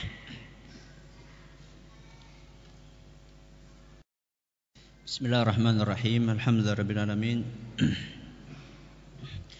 Wassalatu wassalamu ala nabiyyina Muhammadin wa ala alihi wa sahbihi ajma'in Sebelum kita masuk pembahasan pengobatan dengan ruqyah Tadi ada salah satu jamaah pengajian yang mengingatkan bahwa Dua ayat terakhir tadi itu mulainya adalah Amanar Amanar Rasul. Kalau Lillahi ma fis samawat Itu adalah ayat ketiga sebelum terakhir. Jadi dua ayat terakhir surat Al-Baqarah adalah amanar rasulu bima unzila sampai akhir sampai fangsurna alal qaumil kafirin. Sekarang adalah pengobatan dengan rukyah. Setelah kita membahas tentang pencegahan, kita perlu membahas tentang pengobatan. Kenapa? Karena semaksimal apa pun usaha yang kita lakukan, kalau Allah sudah berkehendak, kita akan kena. Contoh yang paling nyata adalah kisah disihirnya siapa? Nabi kita Muhammad sallallahu alaihi wasallam. Kalau masalah zikir kurang apa Rasul sallallahu alaihi wasallam? Kalau masalah sholat berjamaah kurang apa Rasul? Kalau masalah akidah kurang apa Rasul SAW. Akan tetapi itulah kehendak Allah. Di antara hikmahnya adalah untuk mengajarkan kepada kita bagaimana ketika kita menghadapi kasus yang serupa. Pengobatan dengan rukyah yang membuat sebagian orang itu ragu-ragu untuk mempraktekannya. Salah satunya adalah gambaran-gambaran yang ditampakkan oleh mereka yang merukyah seakan-akan rukyah itu sulit. Karena membutuhkan ilmu yang tinggi, yang luas. Ya. Kemudian juga harus bisa dialog ya. juga harus bisa nyembelih ya. dan seterusnya macam-macam. Harus tahu keluarnya jin dari mana. Ketahuilah bahwasanya ruqyah itu sebenarnya mudah. Makanya bismillahirrahmanirrahim semoga dengan apa yang saya sampaikan ini kita bisa merubah image ya bahwa ruqyah itu sulit. Secara garis besar Ruqyah syar'iyah itu tersimpul pada dua hal. Yang pertama adalah dengan membacakan ayat-ayat suci Al-Quran. Dan zikir-zikir yang diajarkan oleh Rasul Sallallahu Alaihi Wasallam. Ini yang paling manjur, seperti yang saya katakan, paling aman adalah memilih bacaan-bacaan dari Al-Quran atau hadis-hadis Nabi SAW. Allah Subhanahu wa taala berfirman, "Wa nunazzilu minal Qur'ani ma huwa shifa." Yang artinya kami turunkan Al-Qur'an sebagai penyembuh, sebagai obat. Al-Qur'an surat Al-Isra ayat 82. Jadi ruqyah adalah dengan membacakan Al-Qur'an karena Al-Qur'an adalah obat nanti kita akan jelaskan di belakang bahwa obat ini mencakup obat medis maupun non non medis. Bagaimana yang kita lakukan Ustaz? Kita bacakan Al-Quran kepada orang yang sedang menderita penyakit tersebut. Caranya bagaimana Ustaz? Anda duduk, dia berada di hadapan Anda. Anda bacakan Al-Quran. Surat apa Ustadz? Seluruh ayat Al-Quran bisa dijadikan sebagai bacaan rukyah. Karena ada sebagian orang mengira bahwa bacaannya itu harus surat anu, surat anu, ayat anu sampai sekian sekian. Saya katakan tidak harus. Ya. Bagus kalau memilih beberapa surat yang memang direkomendasikan oleh Nabi SAW. Contohnya surat Al-Ikh, Al-Ikhlas. Contohnya surat Al-Falak. Contohnya surat An-Nas. Surat Al-Fatihah. Surat Al-Baqarah. Kising paling apa gitu? Yang paling panjang ini Al-Baqarah. Ya. Makanya kadang-kadang saya kalau ada orang minta e, minta kalau saya diminta tolong kalau kondisi lagi aman tenggorokannya ya baca Al-Baqarah kalau nggak aman ya Al-Fatihah, Al-Falaq, An-Nas ya.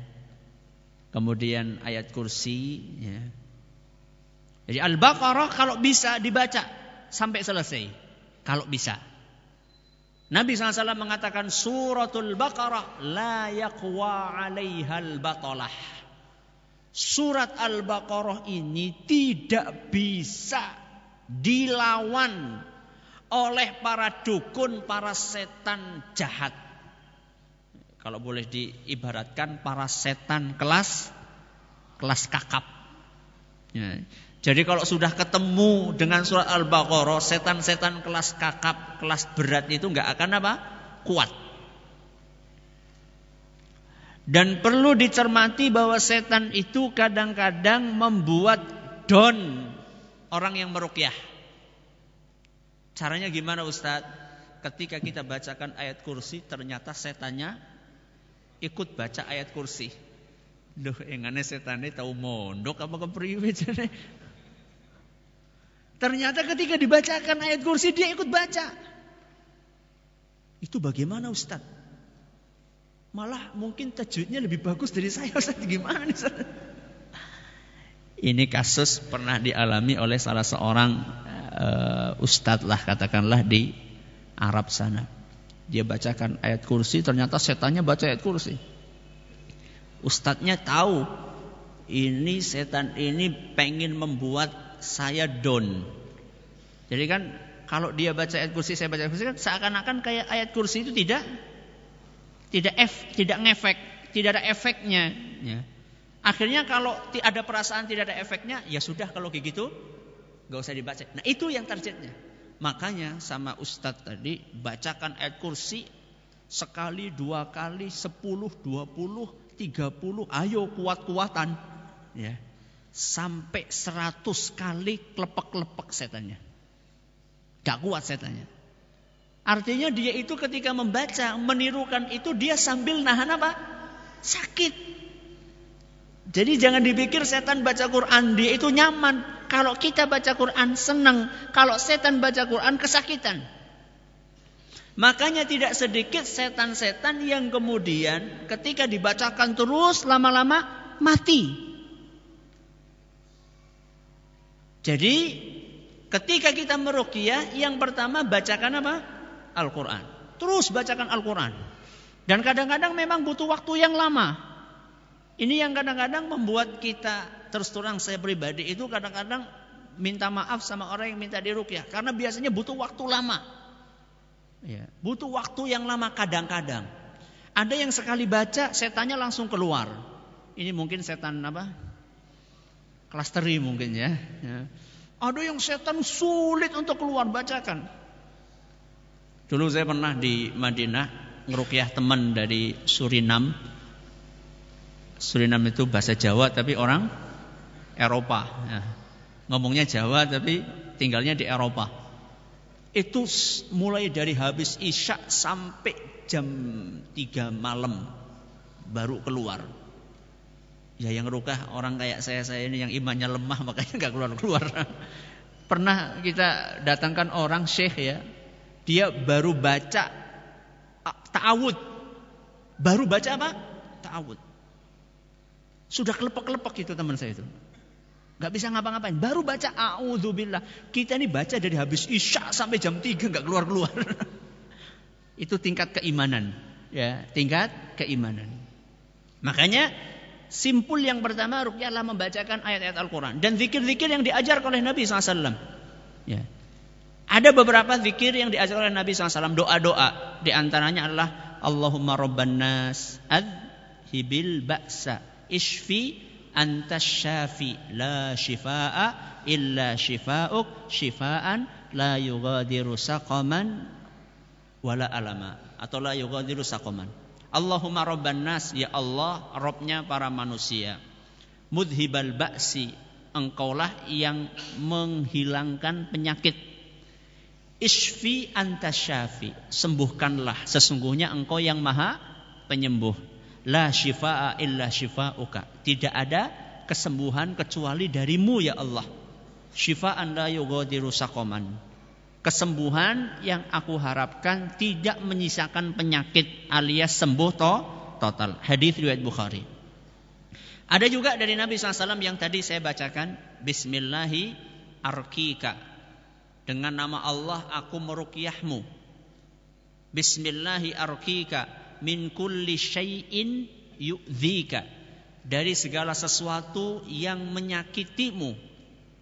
Min syarri kulli nafsin. Dari kejahatan setiap jiwa. Au ainin hasidin atau pandangan orang-orang yang dengki.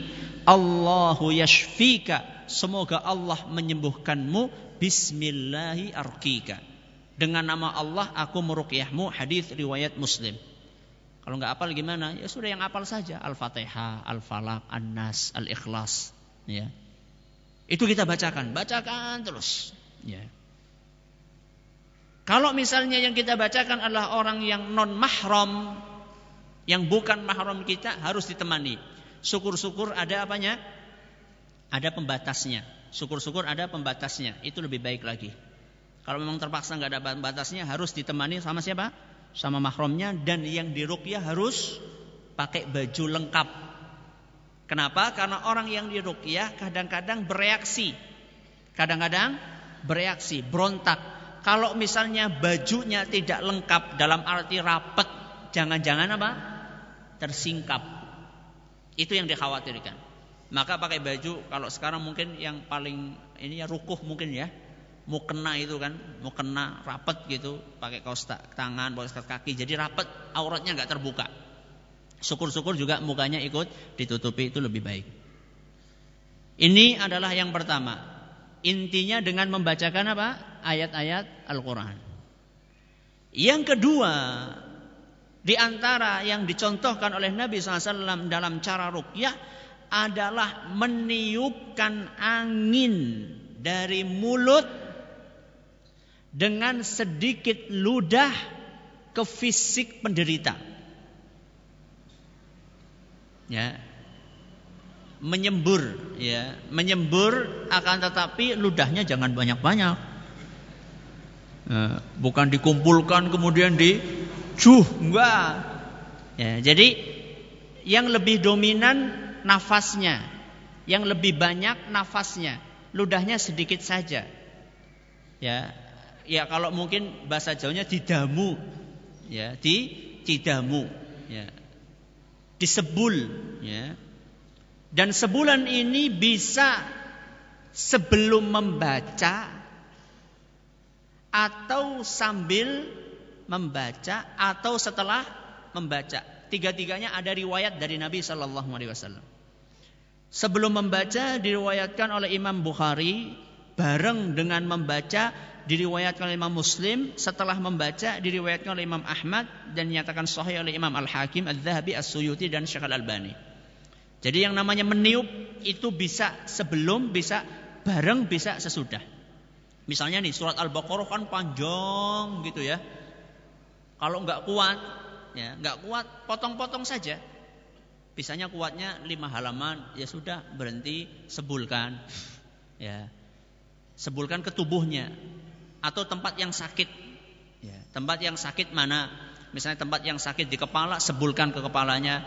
Di telinga, sebulkan ke telinga. Di perut, sebulkan ke perutnya. Di kaki, sebulkan ke kakinya. Ya. Atau misalnya disebulkan ke mulut, eh, dari mulut langsung, ya.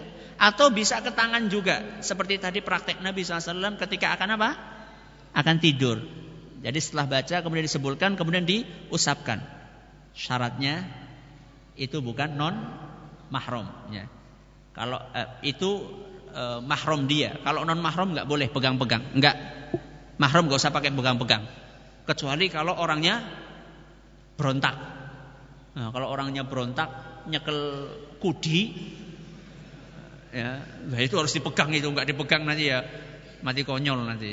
Ya. Jadi kalau misalnya dia nggak uh, berontak, udah bacakan. Kalau dia nangis apa, biarin aja terus. Tidak usah terlalu banyak dialog. Ya.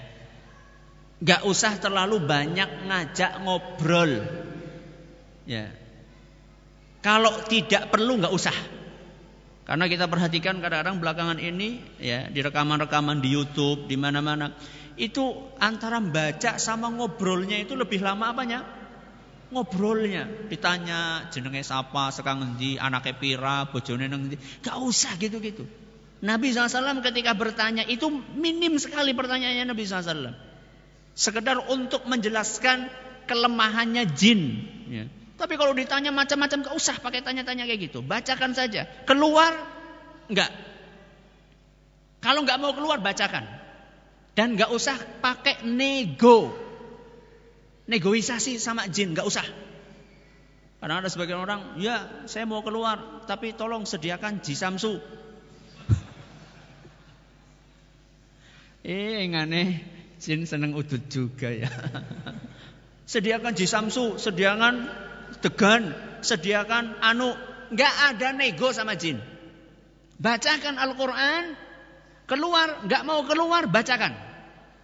Ya. Dan kadang-kadang jin itu ngakunya sudah keluar, ternyata masih ada. Makanya ketika dia, ya saya sudah keluar, bacakan lagi.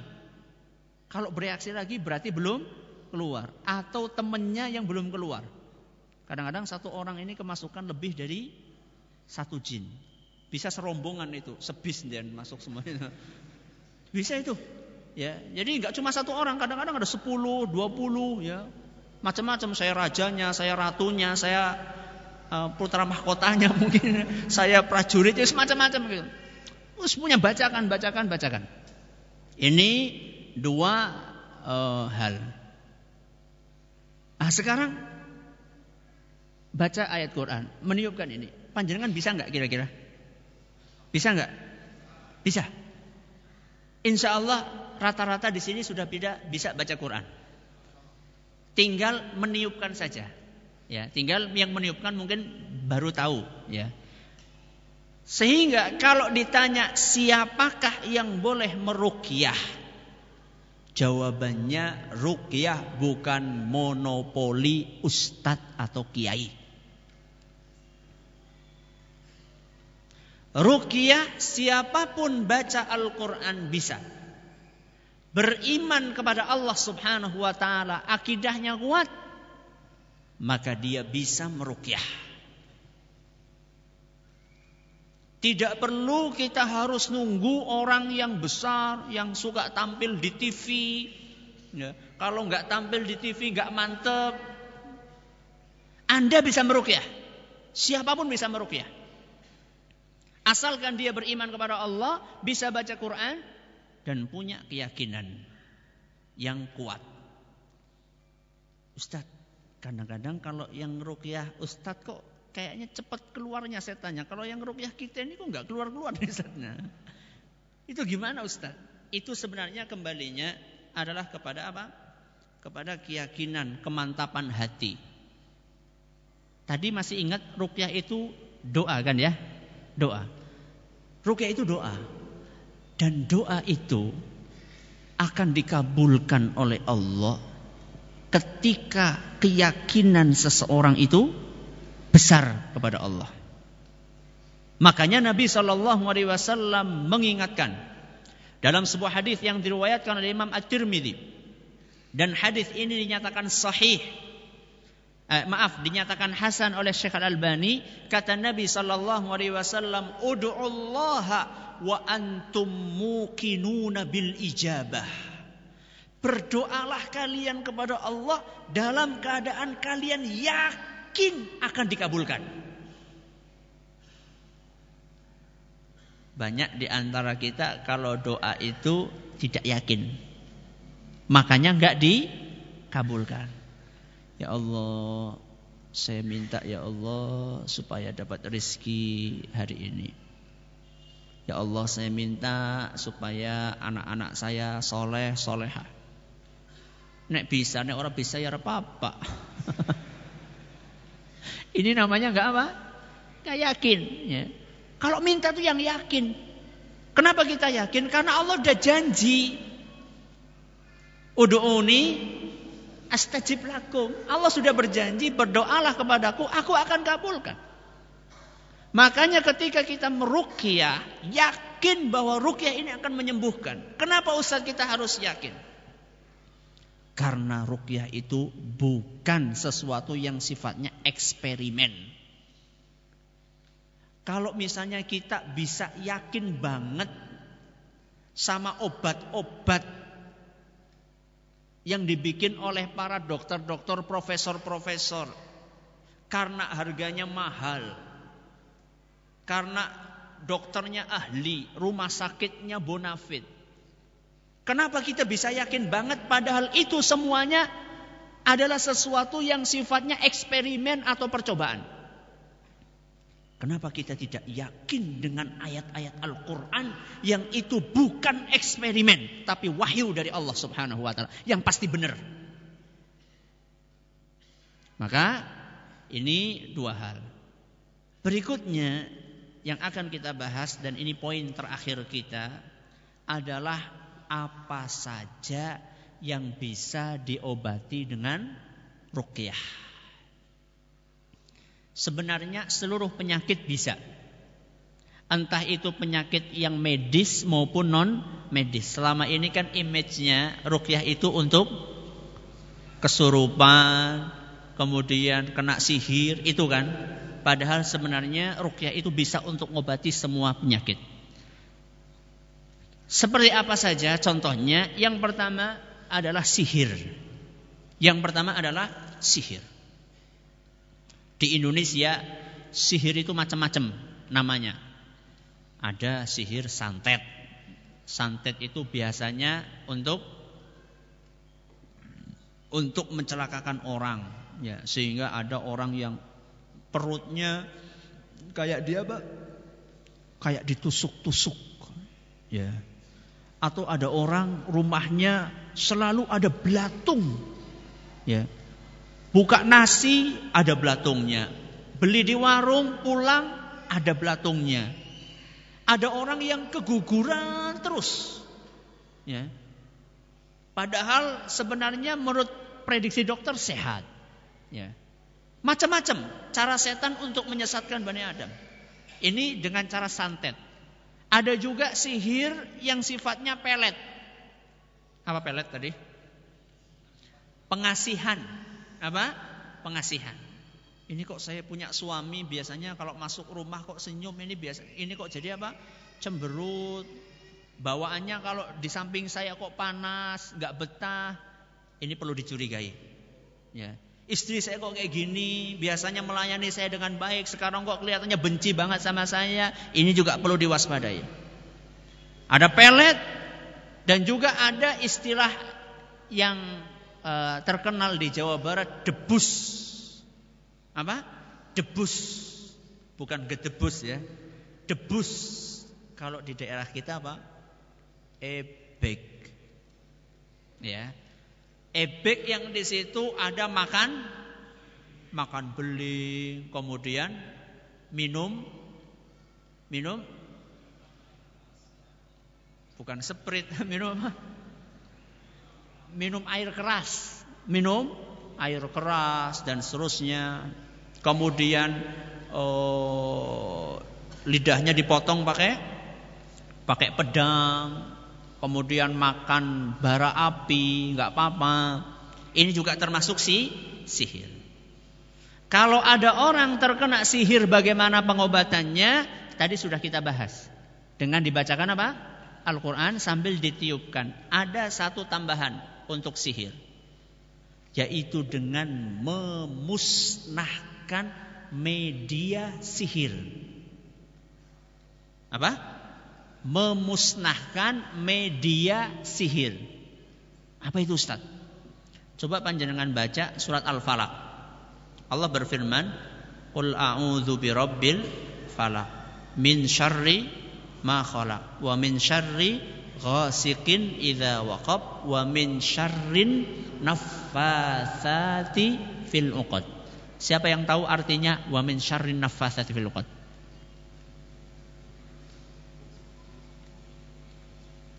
dari kejahatan wanita-wanita tukang sihir yang meniupkan di buhul-buhul. Buhul-buhul siapa? Buhul-buhul itu tali yang disimpul, dibikin simpul, diikat-ikat. Setan tukang sihir itu kalau mau nyihir biasanya pakai media. Medianya antara lain tali diikat-ikat sambil dibaca mantra-mantra. Kenapa diikat-ikat? Keyakinan mereka kalau diikat itu sihirnya akan apa? Sulit untuk dilepas. Makanya kadang-kadang talinya itu panjang. Dan ikatannya banyak. Satu. Atau mereka pakai media apa itu? Yang gambar kayak orang itu, Pak? jenglot. Hmm, apa? Jenglot. Nah. Kemudian dikasih jarum apa? Media. Kalau pengen total, salah satu cara mengobati orang yang terkena sihir, medianya dimusnahkan. Dalilnya apa? Dalilnya kisah yang dialami oleh Nabi kita Muhammad SAW ketika beliau disihir. Siapa tadi nama tukang sihirnya? Yang lengkap coba siapa? Labid bin A'sam. Nabi mengutus Ali bin Abi Thalib untuk mencari di mana medianya. Ternyata ada di sebuah sumur tua di kota Madinah. Di dasar sumur itu ada batu besar. Medianya itu diumpetkan di bawah batu itu. Oleh Ali bin Abi Thalib diambil, dikeluarkan, dilepasi. Apanya tadi? Buhul-buhulnya satu persatu sambil dibacakan surat Al-Falaq dan An-Nas. Begitu semuanya lepas, kemudian dimusnahkan media tersebut, Nabi Shallallahu Alaihi Wasallam langsung sadar seakan-akan tidak kena apa-apa. Hadis riwayat Ibn, eh, Abd ibnu Humaid dan sanatnya dinilai sahih oleh Syekh Salim Al Hilali dan Muhammad Al Nasr. Ustaz, yang namanya tukang sihir itu kan menyembunyikan itu Ustaz. Kita tahunya dari mana? Kita tahunya dari mana? Kemungkinan yang pertama tukang sihirnya ngaku. Kemungkinan yang pertama tukang sihirnya apa? Ngaku. Atau kemungkinan yang kedua setannya ngaku. Ketika lagi di rukyah, setannya ngaku. Atau kalau itu tidak bisa ditemukan, kita berdoa sama Allah Subhanahu wa taala. Minta sama Allah supaya di, ditunjukkan. Nanti Allah akan menunjukkan. Bisa lewat mimpi, bisa lewat apa. Ya, ini adalah cara menemukan media. Ini adalah penyakit yang kedua. Yang kedua, yang ya, ini yang yang pertama. Yang kedua adalah kesurupan. Dan ini sangat disayangkan belakangan ini marak di mana? Di sekolah-sekolah atau di PT-PT. Ya, dan amat disayangkan ketika ada kesurupan yang dipanggil siapa? Dukun. Akhirnya dukunnya bilang, oh itu di belakang itu ada uh, kuburan bayi. Apa istilahnya pulu apa? Luron atau peluron? Uh, luron apa peluron itu ya bayi yang baru usia berapa? Oh anak-anak kuburannya, anak kuburan kae. Oh kue kudu di disajeni dah terjerumus kepada rukyah yang gadungan tadi. Sebenarnya nggak usah manggil dukun, panjenengan nih para guru. Ada Pak Guru nggak di sini? Ada Pak Guru nggak? Banyak. Para guru, Ustadz, saya guru biologi, saya guru kimia. Saya kan nggak mungkin Ustadz perukyah sambil baca rumus-rumus biologi dan kimia. Saya bukan nyuruh baca rumus biologi kimia, baca Al-Quran. Masa nggak bisa? Ya. Gak perlu kita manggil dukun-dukun. Panjenengan bisa baca sendiri. Bacakan Al-Quran. Akan keluar dengan izin Allah subhanahu wa ta'ala. Seperti tadi saya katakan. Tidak perlu pakai negosiasi. Keluar atau dibacakan Al-Quran. Kalau keluar Alhamdulillah. Gak mau keluar. Ya nikmati saja bacaan Al-Quran. Silahkan. Nah, ini adalah yang kedua. Yaitu kesu, kesurupan. Yang ketiga. Yang ini mungkin agak asing, apa? Ain. Ini mungkin banyak yang belum tahu ya, atau kalau sudah ada yang tahu alhamdulillah. Ain ini terjemahan bahasanya artinya adalah mata. Apa yang dimaksud dengan ain di sini? Ain adalah pandangan ya, kekaguman yang diiringi dengan perasaan iri. Ya, jadi orang kagum sambil apa? Iri dari orang yang punya tabiat jelek. Jadi orang punya tabiat jelek memandang orang lain dengan kagum tapi iri sehingga yang dipandang itu celaka. Mungkin banyak orang tidak sadar bahwa ternyata tidak sedikit penyakit-penyakit yang dialami oleh kita atau anak-anak kita gara-gara yang satu ini, ain. Dan Nabi SAW sudah bersabda, Al-ainu hakun. Penyakit gara-gara ain itu ada dan benar terjadi. Hadis riwayat Bukhari dan Muslim. Cuman kadang-kadang kita tidak tahu bahwa ini kena penyakit ain. Saya kasih contoh, kisah nyata di Indonesia. Ada seorang ustadz cerita. Ada ibu-ibu bawa anak bayinya ke pasar. Anak bayi yang gemuk, masya Allah ya, kemudian lucu, putih dan seterusnya dibawa ke pasar. Sampai di pasar, sampai di pasar.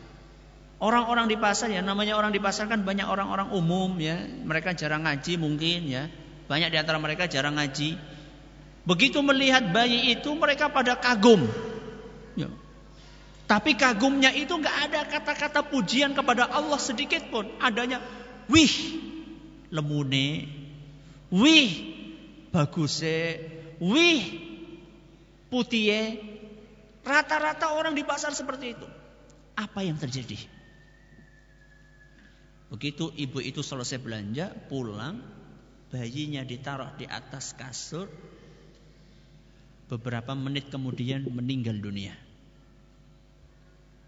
Sebelum berangkat, sehat walafiat. Ketika pulang meninggal dunia. Makanya perhatikan baik-baik. Kadang-kadang ada orang tua bayi ujuk-ujuk nangis. Ya enggak? Sudah dicep-cep-cep enggak? Diam. Atau bayi ini kok kurus sekali. Padahal makannya banyak. Ya. Atau sakit.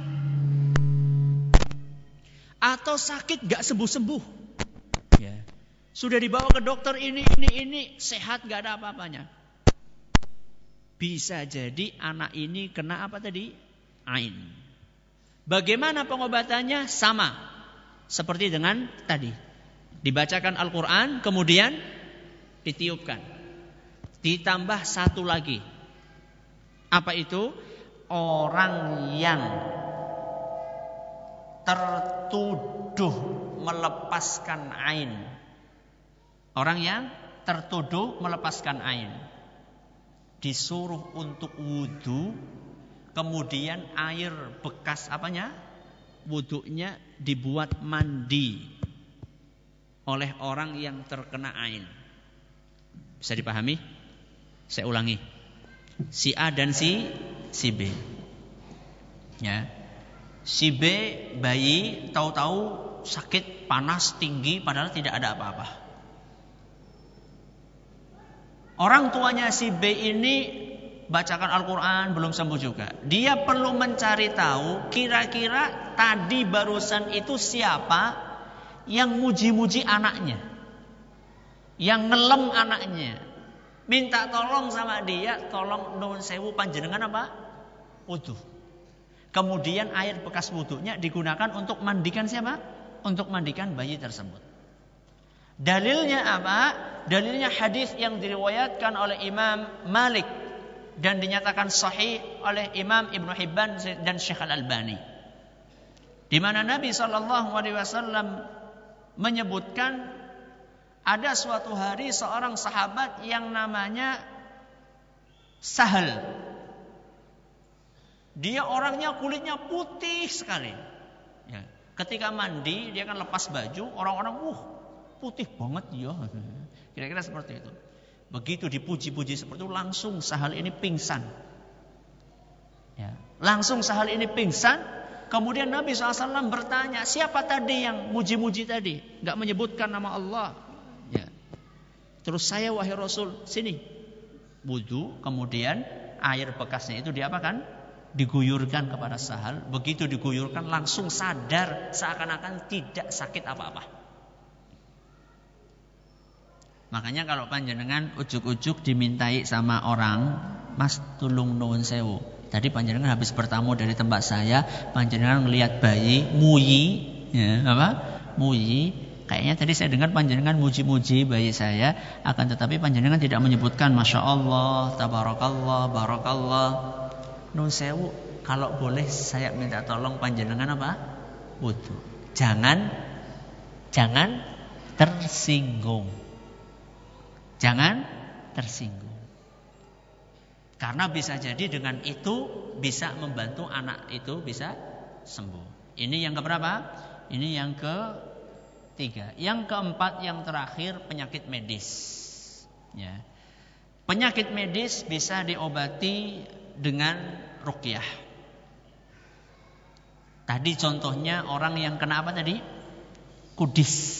Ya, orang yang kena kudis. Ada juga di dalam sebuah hadis riwayat Muslim dari seorang sahabat namanya Anas bin Malik, asar dari Anas bin Malik, beliau mengatakan rukhisa fil humati wan namlati wal ain. Ruqyah itu bisa dipakai untuk mengobati penyakit demam, meriang, bisa karena gigitan semut atau karena ain pandangan jahat. Dan Nabi Shallallahu Alaihi Wasallam juga pernah digigit kala jengking. Ketika digigit kala jengking itu Nabi Shallallahu Alaihi Wasallam mengobatinya dengan merukyah, dengan merukyah. Dibacakan al, al, al apa ayat-ayat Al-Quran ya Al-Falaq, An-Nas dan seterusnya. Dan juga termasuk orang yang terkena gangguan jiwa, orang gila. Itu juga bisa dirukyah. Dalilnya sebuah hadis yang diriwayatkan oleh Imam Abu Dawud dan dinyatakan sahih oleh Syekh Al-Albani Diceritakan ada salah seorang sahabat Nabi Shallallahu Alaihi Wasallam masuk Islam. Setelah masuk Islam dia pulang. Di tengah jalan dia melihat ada orang gila dipasung dengan besi. Ya. Ketika pulang ini sahabat ini mau pulang ke rumahnya di tengah jalan nemu ada orang gila dipasung dengan besi. Terus orang-orang yang ada di kampung itu mereka bertanya kepada sahabat tersebut, saya dengar engkau baru masuk Islam. Dan saya dengar Nabi kamu itu bisa ngobati, membawa kebaikan. Tolong kalau kamu bisa, tolong diobati orang gila ini. Maka orang sahabat tersebut, mu'alaf ini, baru masuk Islam, dia bacakan surat Al-Fatihah. Karena hafalnya cuma surat apa? Al-Fatihah. Begitu dibacakan surat Al-Fatihah, apa yang terjadi? Sembuh total Yang jeneng maca orang mari-mari. Baca surat Al-Fatihah sembuh total. Padahal dia sudah dipasung pakai besi. Akhirnya saking senangnya penduduk kampung itu langsung ngasih hadiah 100 ekor kambing. Marem apa gue? Marem. Kalau kita kan di Rukyah, mari matur nuwun nggih Mas. Dikasih 100 ekor eh, 100 ekor apa? Kambing. Ini kan ragu-ragu kan. Ini halal nggak? Halal nggak? Ya. Akhirnya dia datang kepada Nabi SAW melapor wahai Rasul tadi saya barusan gini gini gini gini gini maka Nabi Shallallahu Alaihi Wasallam mengatakan khudha ambil aja ambil aja karena kamu tadi ngerukahnya benar hadis riwayat Abu Dawud dan nyatakan sahih oleh Albani dan masih ada contoh-contoh yang lainnya dan ternyata dari penelitian medis juga berpengaruh di hadapan saya saya uh, mengumpulkan ada beberapa uh, hasil penelitian medis yang ternyata rukyah itu juga secara medis bisa mempengaruhi ada dari Dadang Hawari, ada dari Erwin Kusuma, para dokter dari luar juga ada dokter Dosi William uh, dan masih ada yang lainnya. Semoga bermanfaat buat kita semuanya. Wallahu taala ala wa alam. Ada pertanyaan silahkan. Ustadz, benarkah praktek rukyah dengan menyembelih leher pasien dengan tangan sambil dibacakan doa perlindungan? Apakah ada tuntunannya dari Nabi SAW? Secara spesifik, kalau nyembelih saya belum tahu. Tapi kalau apa? Mau apa? Mau apa ini namanya? Menepuk-nepuk ada riwayatnya. Tapi sebenarnya begini ya, uh, apakah harus mirip seperti apa yang dipraktekkan oleh Nabi SAW? Ini ada perbedaan pendapat di antara para ulama. Apakah rukyah itu tauqifiyah atau tidak? Dalam arti apakah cara rukyah dari A sampai Z harus mirip? Ada perbedaan pendapat di antara para ulama. Ada yang mengatakan iya, ada yang mengatakan tidak. Uh, sebaiknya kalau memang tidak diperlukan ya mencukupkan seperti apa yang dicontohkan oleh Nabi kita Muhammad sallallahu alaihi wasallam. Saya mentoring saat mentoring di kampus pernah dijelaskan bahwa jangan sekali-kali pernah berniat ingin dirukyah dan jangan sekali-kali pernah melakukan rukyah karena pada saat hari kiamat nanti akan merubah posisi barisan saat penghisaban. Karena dengan dilakukannya rukyah kita tidak tidak berusaha sendiri dalam menyelesaikan suatu masalah. Dalilnya apa? Kita dari tadi sudah membahas Nabi merukyah, dirukyah, membenarkan rukyah, menyuruh rukyah. Dari tadi kita sudah bahas. Ini dalilnya mana? Kecuali kalau meminta dirukyah, meminta untuk dirukyah. Ini para ulama mengatakan hukumnya bukan haram, tapi hukumnya apa? Makruh. Jadi masih boleh. Jadi dalilnya dari mana? Ya. Katanya bisa merubah posisi. Minta saja dalilnya, hadisnya karena peristiwa hari kiamat adalah peristiwa yang gaib. Ini dari pendengar radio dari Nursidah Tohir di Australia. Ustadz bagaimanakah yang dilakukan sebagian orang yang merukyah secara jamaah dilakukan di masjid dan saya pernah e, melihat ada akhwat merukyah ikhwan. Bagaimana? Pertama kalau rukyah bareng-bareng ini sebenarnya kalau bisa dihindari. Merukyah bareng-bareng satu orang kemudian bareng-bareng sebaiknya dihindari. Ada sebagian ulama membolehkan hanya sekedar untuk identifikasi. Jadi kalau misalnya ketika baca Al-Qur'an ada yang apa? Ada yang reaksi, dia di di apa kan? Dipisah. Ya. Ada sebagian ulama menjelaskan sekedar untuk identifikasi saja setelah ketahuan siapa yang bereaksi disendirikan kemudian dirukyah. Karena itu lebih bermanfaat, lebih kuat daripada barang-barang. Kemudian juga ketika rukyah bareng-bareng itu eh, kadang-kadang uh, jadi bahan apa? Jadi bahan tontonan. Jadi bahan tontonan. Sehingga kadang-kadang dia berontak, auratnya terbuka, akhirnya ditonton orang banyak. Itu kurang bijak. Bahkan atau kadang-kadang nulari yang lainnya. Ya, nulari yang yang lainnya. Yang lainnya ikut ketularan. Maka ini perlu diperhatikan. E, Bagaimana kalau bacaan Qur'annya kurang bagus? Yang penting bisa baca Quran. Kalau kurang bagus, tajwidnya kurang dikit-dikit, insya Allah tidak apa-apa. Ya, kalau tajwidnya kurang dikit-dikit, insya Allah tidak apa-apa.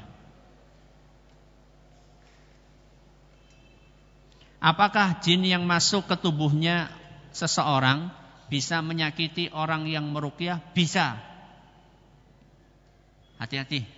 Ini terima kasih tadi mengingatkan. Orang yang merukyah orang lain bisa diganggu. Maka panjenengan harus siap-siap. Ya. Harus siap-siap untuk membaca zikir-zikir perlindungan.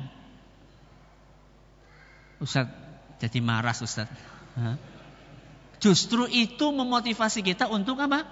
Rajin zikir. Ya. Sering ada kasus-kasus ya, ada sebagian orang yang merugia diganggu oleh jin, dianya nggak kena, akhirnya jinnya menyasar anaknya, istrinya. Ya. Maka sering saya ingatkan kepada anak-anak istri saya, ayo baca zikir pagi sore terus nggak bosan-bosan untuk mengingatkan. Kadang-kadang saya sampai marah karena nggak baca anak nggak baca gitu. Saya marahi baca. Karena apa? Karena orang yang sudah berusaha untuk merukyah, orang yang sudah berusaha untuk merukyah, mengajarkan, mengobati orang, dia akan diincar oleh setan para dukun, tukang santet yang mereka tidak suka karena mata pencahariannya terganggu. Maka siap-siap saja.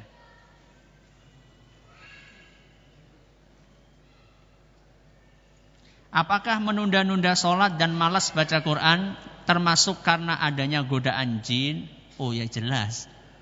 Ya, cuman apakah jinnya itu merasuk ke dalam jiwa Anda atau tidak? Itu jelas godaan setan, ya. Namanya orang malas baca Quran, ya godaan setan. Ya, makanya harus dilawan. Jangan menyerah dengan godaan setan. Bagaimana cara membedakan penyakit fisik dan psikis yang disebabkan oleh manusia itu sendiri atau oleh jin? Uh, kalau penyakit yang sifatnya sik, uh, fisik, ya penyakit medis itu biasanya bisa dideteksi dengan alat-alat medis. Misalnya bisa di ronsen dilihat penyakitnya apa, dengan cek darah bisa diketahui apa saja penyakitnya. Itu kalau penyakitnya medis. Kalau penyakit non medis itu biasanya nggak bisa dideteksi dengan seperti. Rasanya sakit tapi hasil penelitian medis tidak ada gangguan apa-apa.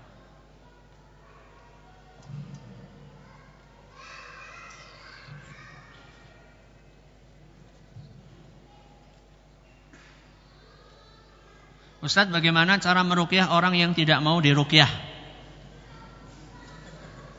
Bagaimana cara merukyah orang yang tidak mau dirukyah? Yang namanya merukyah itu nggak harus sepengetahuan orang yang dirukyah.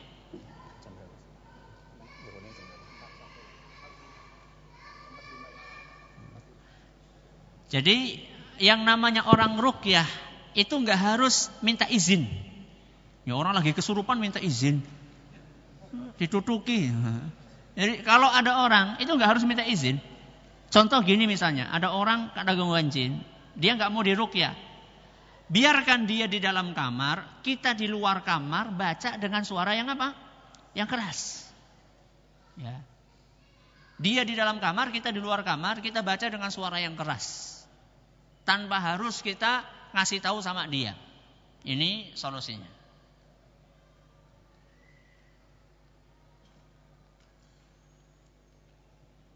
Apakah ada dalilnya kita merukyah rumah baru yang akan ditempati? Uh, kalau membaca Al-Quran iya. Jadi kita masuk ke rumah, kita baca Al-Quran. Surat apa tadi? Al-Baqarah, kemudian juga dua ayat terakhirnya. Itu tidak apa-apa. Ya. Kemudian yang namanya rumah baru itu kan nggak mesti uh, ada unsur-unsur makhluk lainnya gitu loh rumah baru panjenengan dari awal, duitnya bersih, tempatnya juga nggak ada cerita apa-apa. Ya yang penting asal dipakai untuk beribadah, untuk baca Al-Quran, insya Allah rumah anda akan aman. Apakah air minum yang kita minum di rumah bisa kita rukyah dahulu? Atau dibacakan ayat-ayat rukyah sebelum diminum? Ada sebagian ulama membolehkan menjadikan air sebagai media rukyah. Ada sebagian ulama membolehkan air dijadikan sebagai media rukyah asalkan yang dibaca adalah bacaan-bacaan yang jelas dari Al-Qur'an atau dari uh, riwayat-riwayat zikir-zikir yang ditontohkan oleh Nabi kita Muhammad sallallahu alaihi wasallam. Ustadz, apakah orang yang tidak orang yang tidak meminta dirukyah termasuk salah satu syarat masuk surga tanpa hisab? Terus bagaimana kalau kita telah dirukyah berarti tidak bisa masuk surga tanpa hisab. Seperti yang saya katakan tadi, bahwa orang minta dirukyah itu tidak haram. Para ulama menjelaskan itu hukumnya makruh. Karena mengurangi kesempurnaan tawakal. Ya.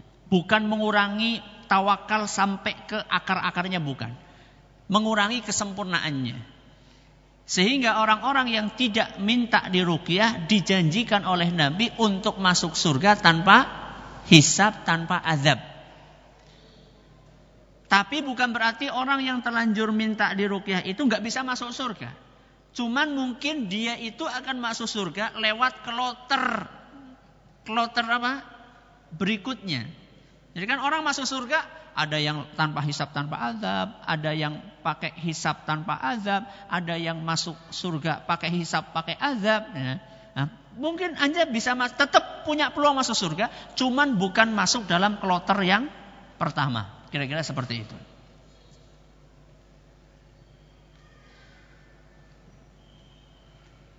Apakah setan bisa mematikan manusia? Bisa dengan izin Allah Subhanahu wa taala. Bisa dengan izin Allah Subhanahu wa taala. Pernah saya diceritai ada seorang mantan dukun yang tobat kepada Allah Azza wa Jalla, kemudian setan yang biasa dipelihara sama dia tidak terima, akhirnya setan itu membunuhi anaknya satu persatu. Ada salah satu anaknya yang dibuat perutnya menggelembung ya sama setan itu sampai terus menggelembung menggelembung sampai pecah perutnya di hadapan mata si dukun tersebut. Makanya jangan sekali-kali apa? bersekutu dengan setan. Ya. Karena setan pasti akan berbuat jahat kepada kita. Ustadz bagaimana caranya yang manjur agar kita tidak takut sama setan atau penampakan-penampakan jin dan bagaimana cara kita menghadapi bila jin itu menampakkan wujudnya. Nah, biasanya lewat kuburan ini. Nah, lewat kuburan apa? Merinding. Ini sebenarnya ya, sebenarnya takut-takut yang seperti ini menunjukkan masih kurang kuatnya akidah seseorang. Kurang kuat. Saya tidak mengatakan akidahnya tidak ada, kurang kuat akidahnya. Maka caranya supaya tidak takut adalah apa? Adalah menguatkan akidah. Sambil meyakini bahwasannya segala sesuatu itu tidak akan bisa mencelakakan kecuali dengan izin Allah Subhanahu wa taala.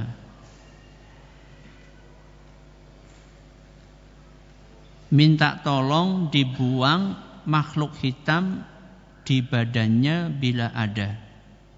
Gimana ini maksudnya ini? Bapak Fulan minta tolong dibuang makhluk hitam di badannya bila ada. Orangnya mana? Hah? Kalau orangnya Oh gitu Ya nanti saja nah, Jangan sekarang Bagaimana cara menghilangkan pengaruh jin karena pemberian orang tua atau mbah? Bacakan saja Al-Quran. Ya, termasuk susuk-susuk. Ya, saya punya teman, ya, punya teman ketika masih kecil dimasuki susuk banyak. Ya, karena orang tuanya dulu belum paham, dimasuki susuk banyak, dibawa ke dukun karena sakit-sakitan.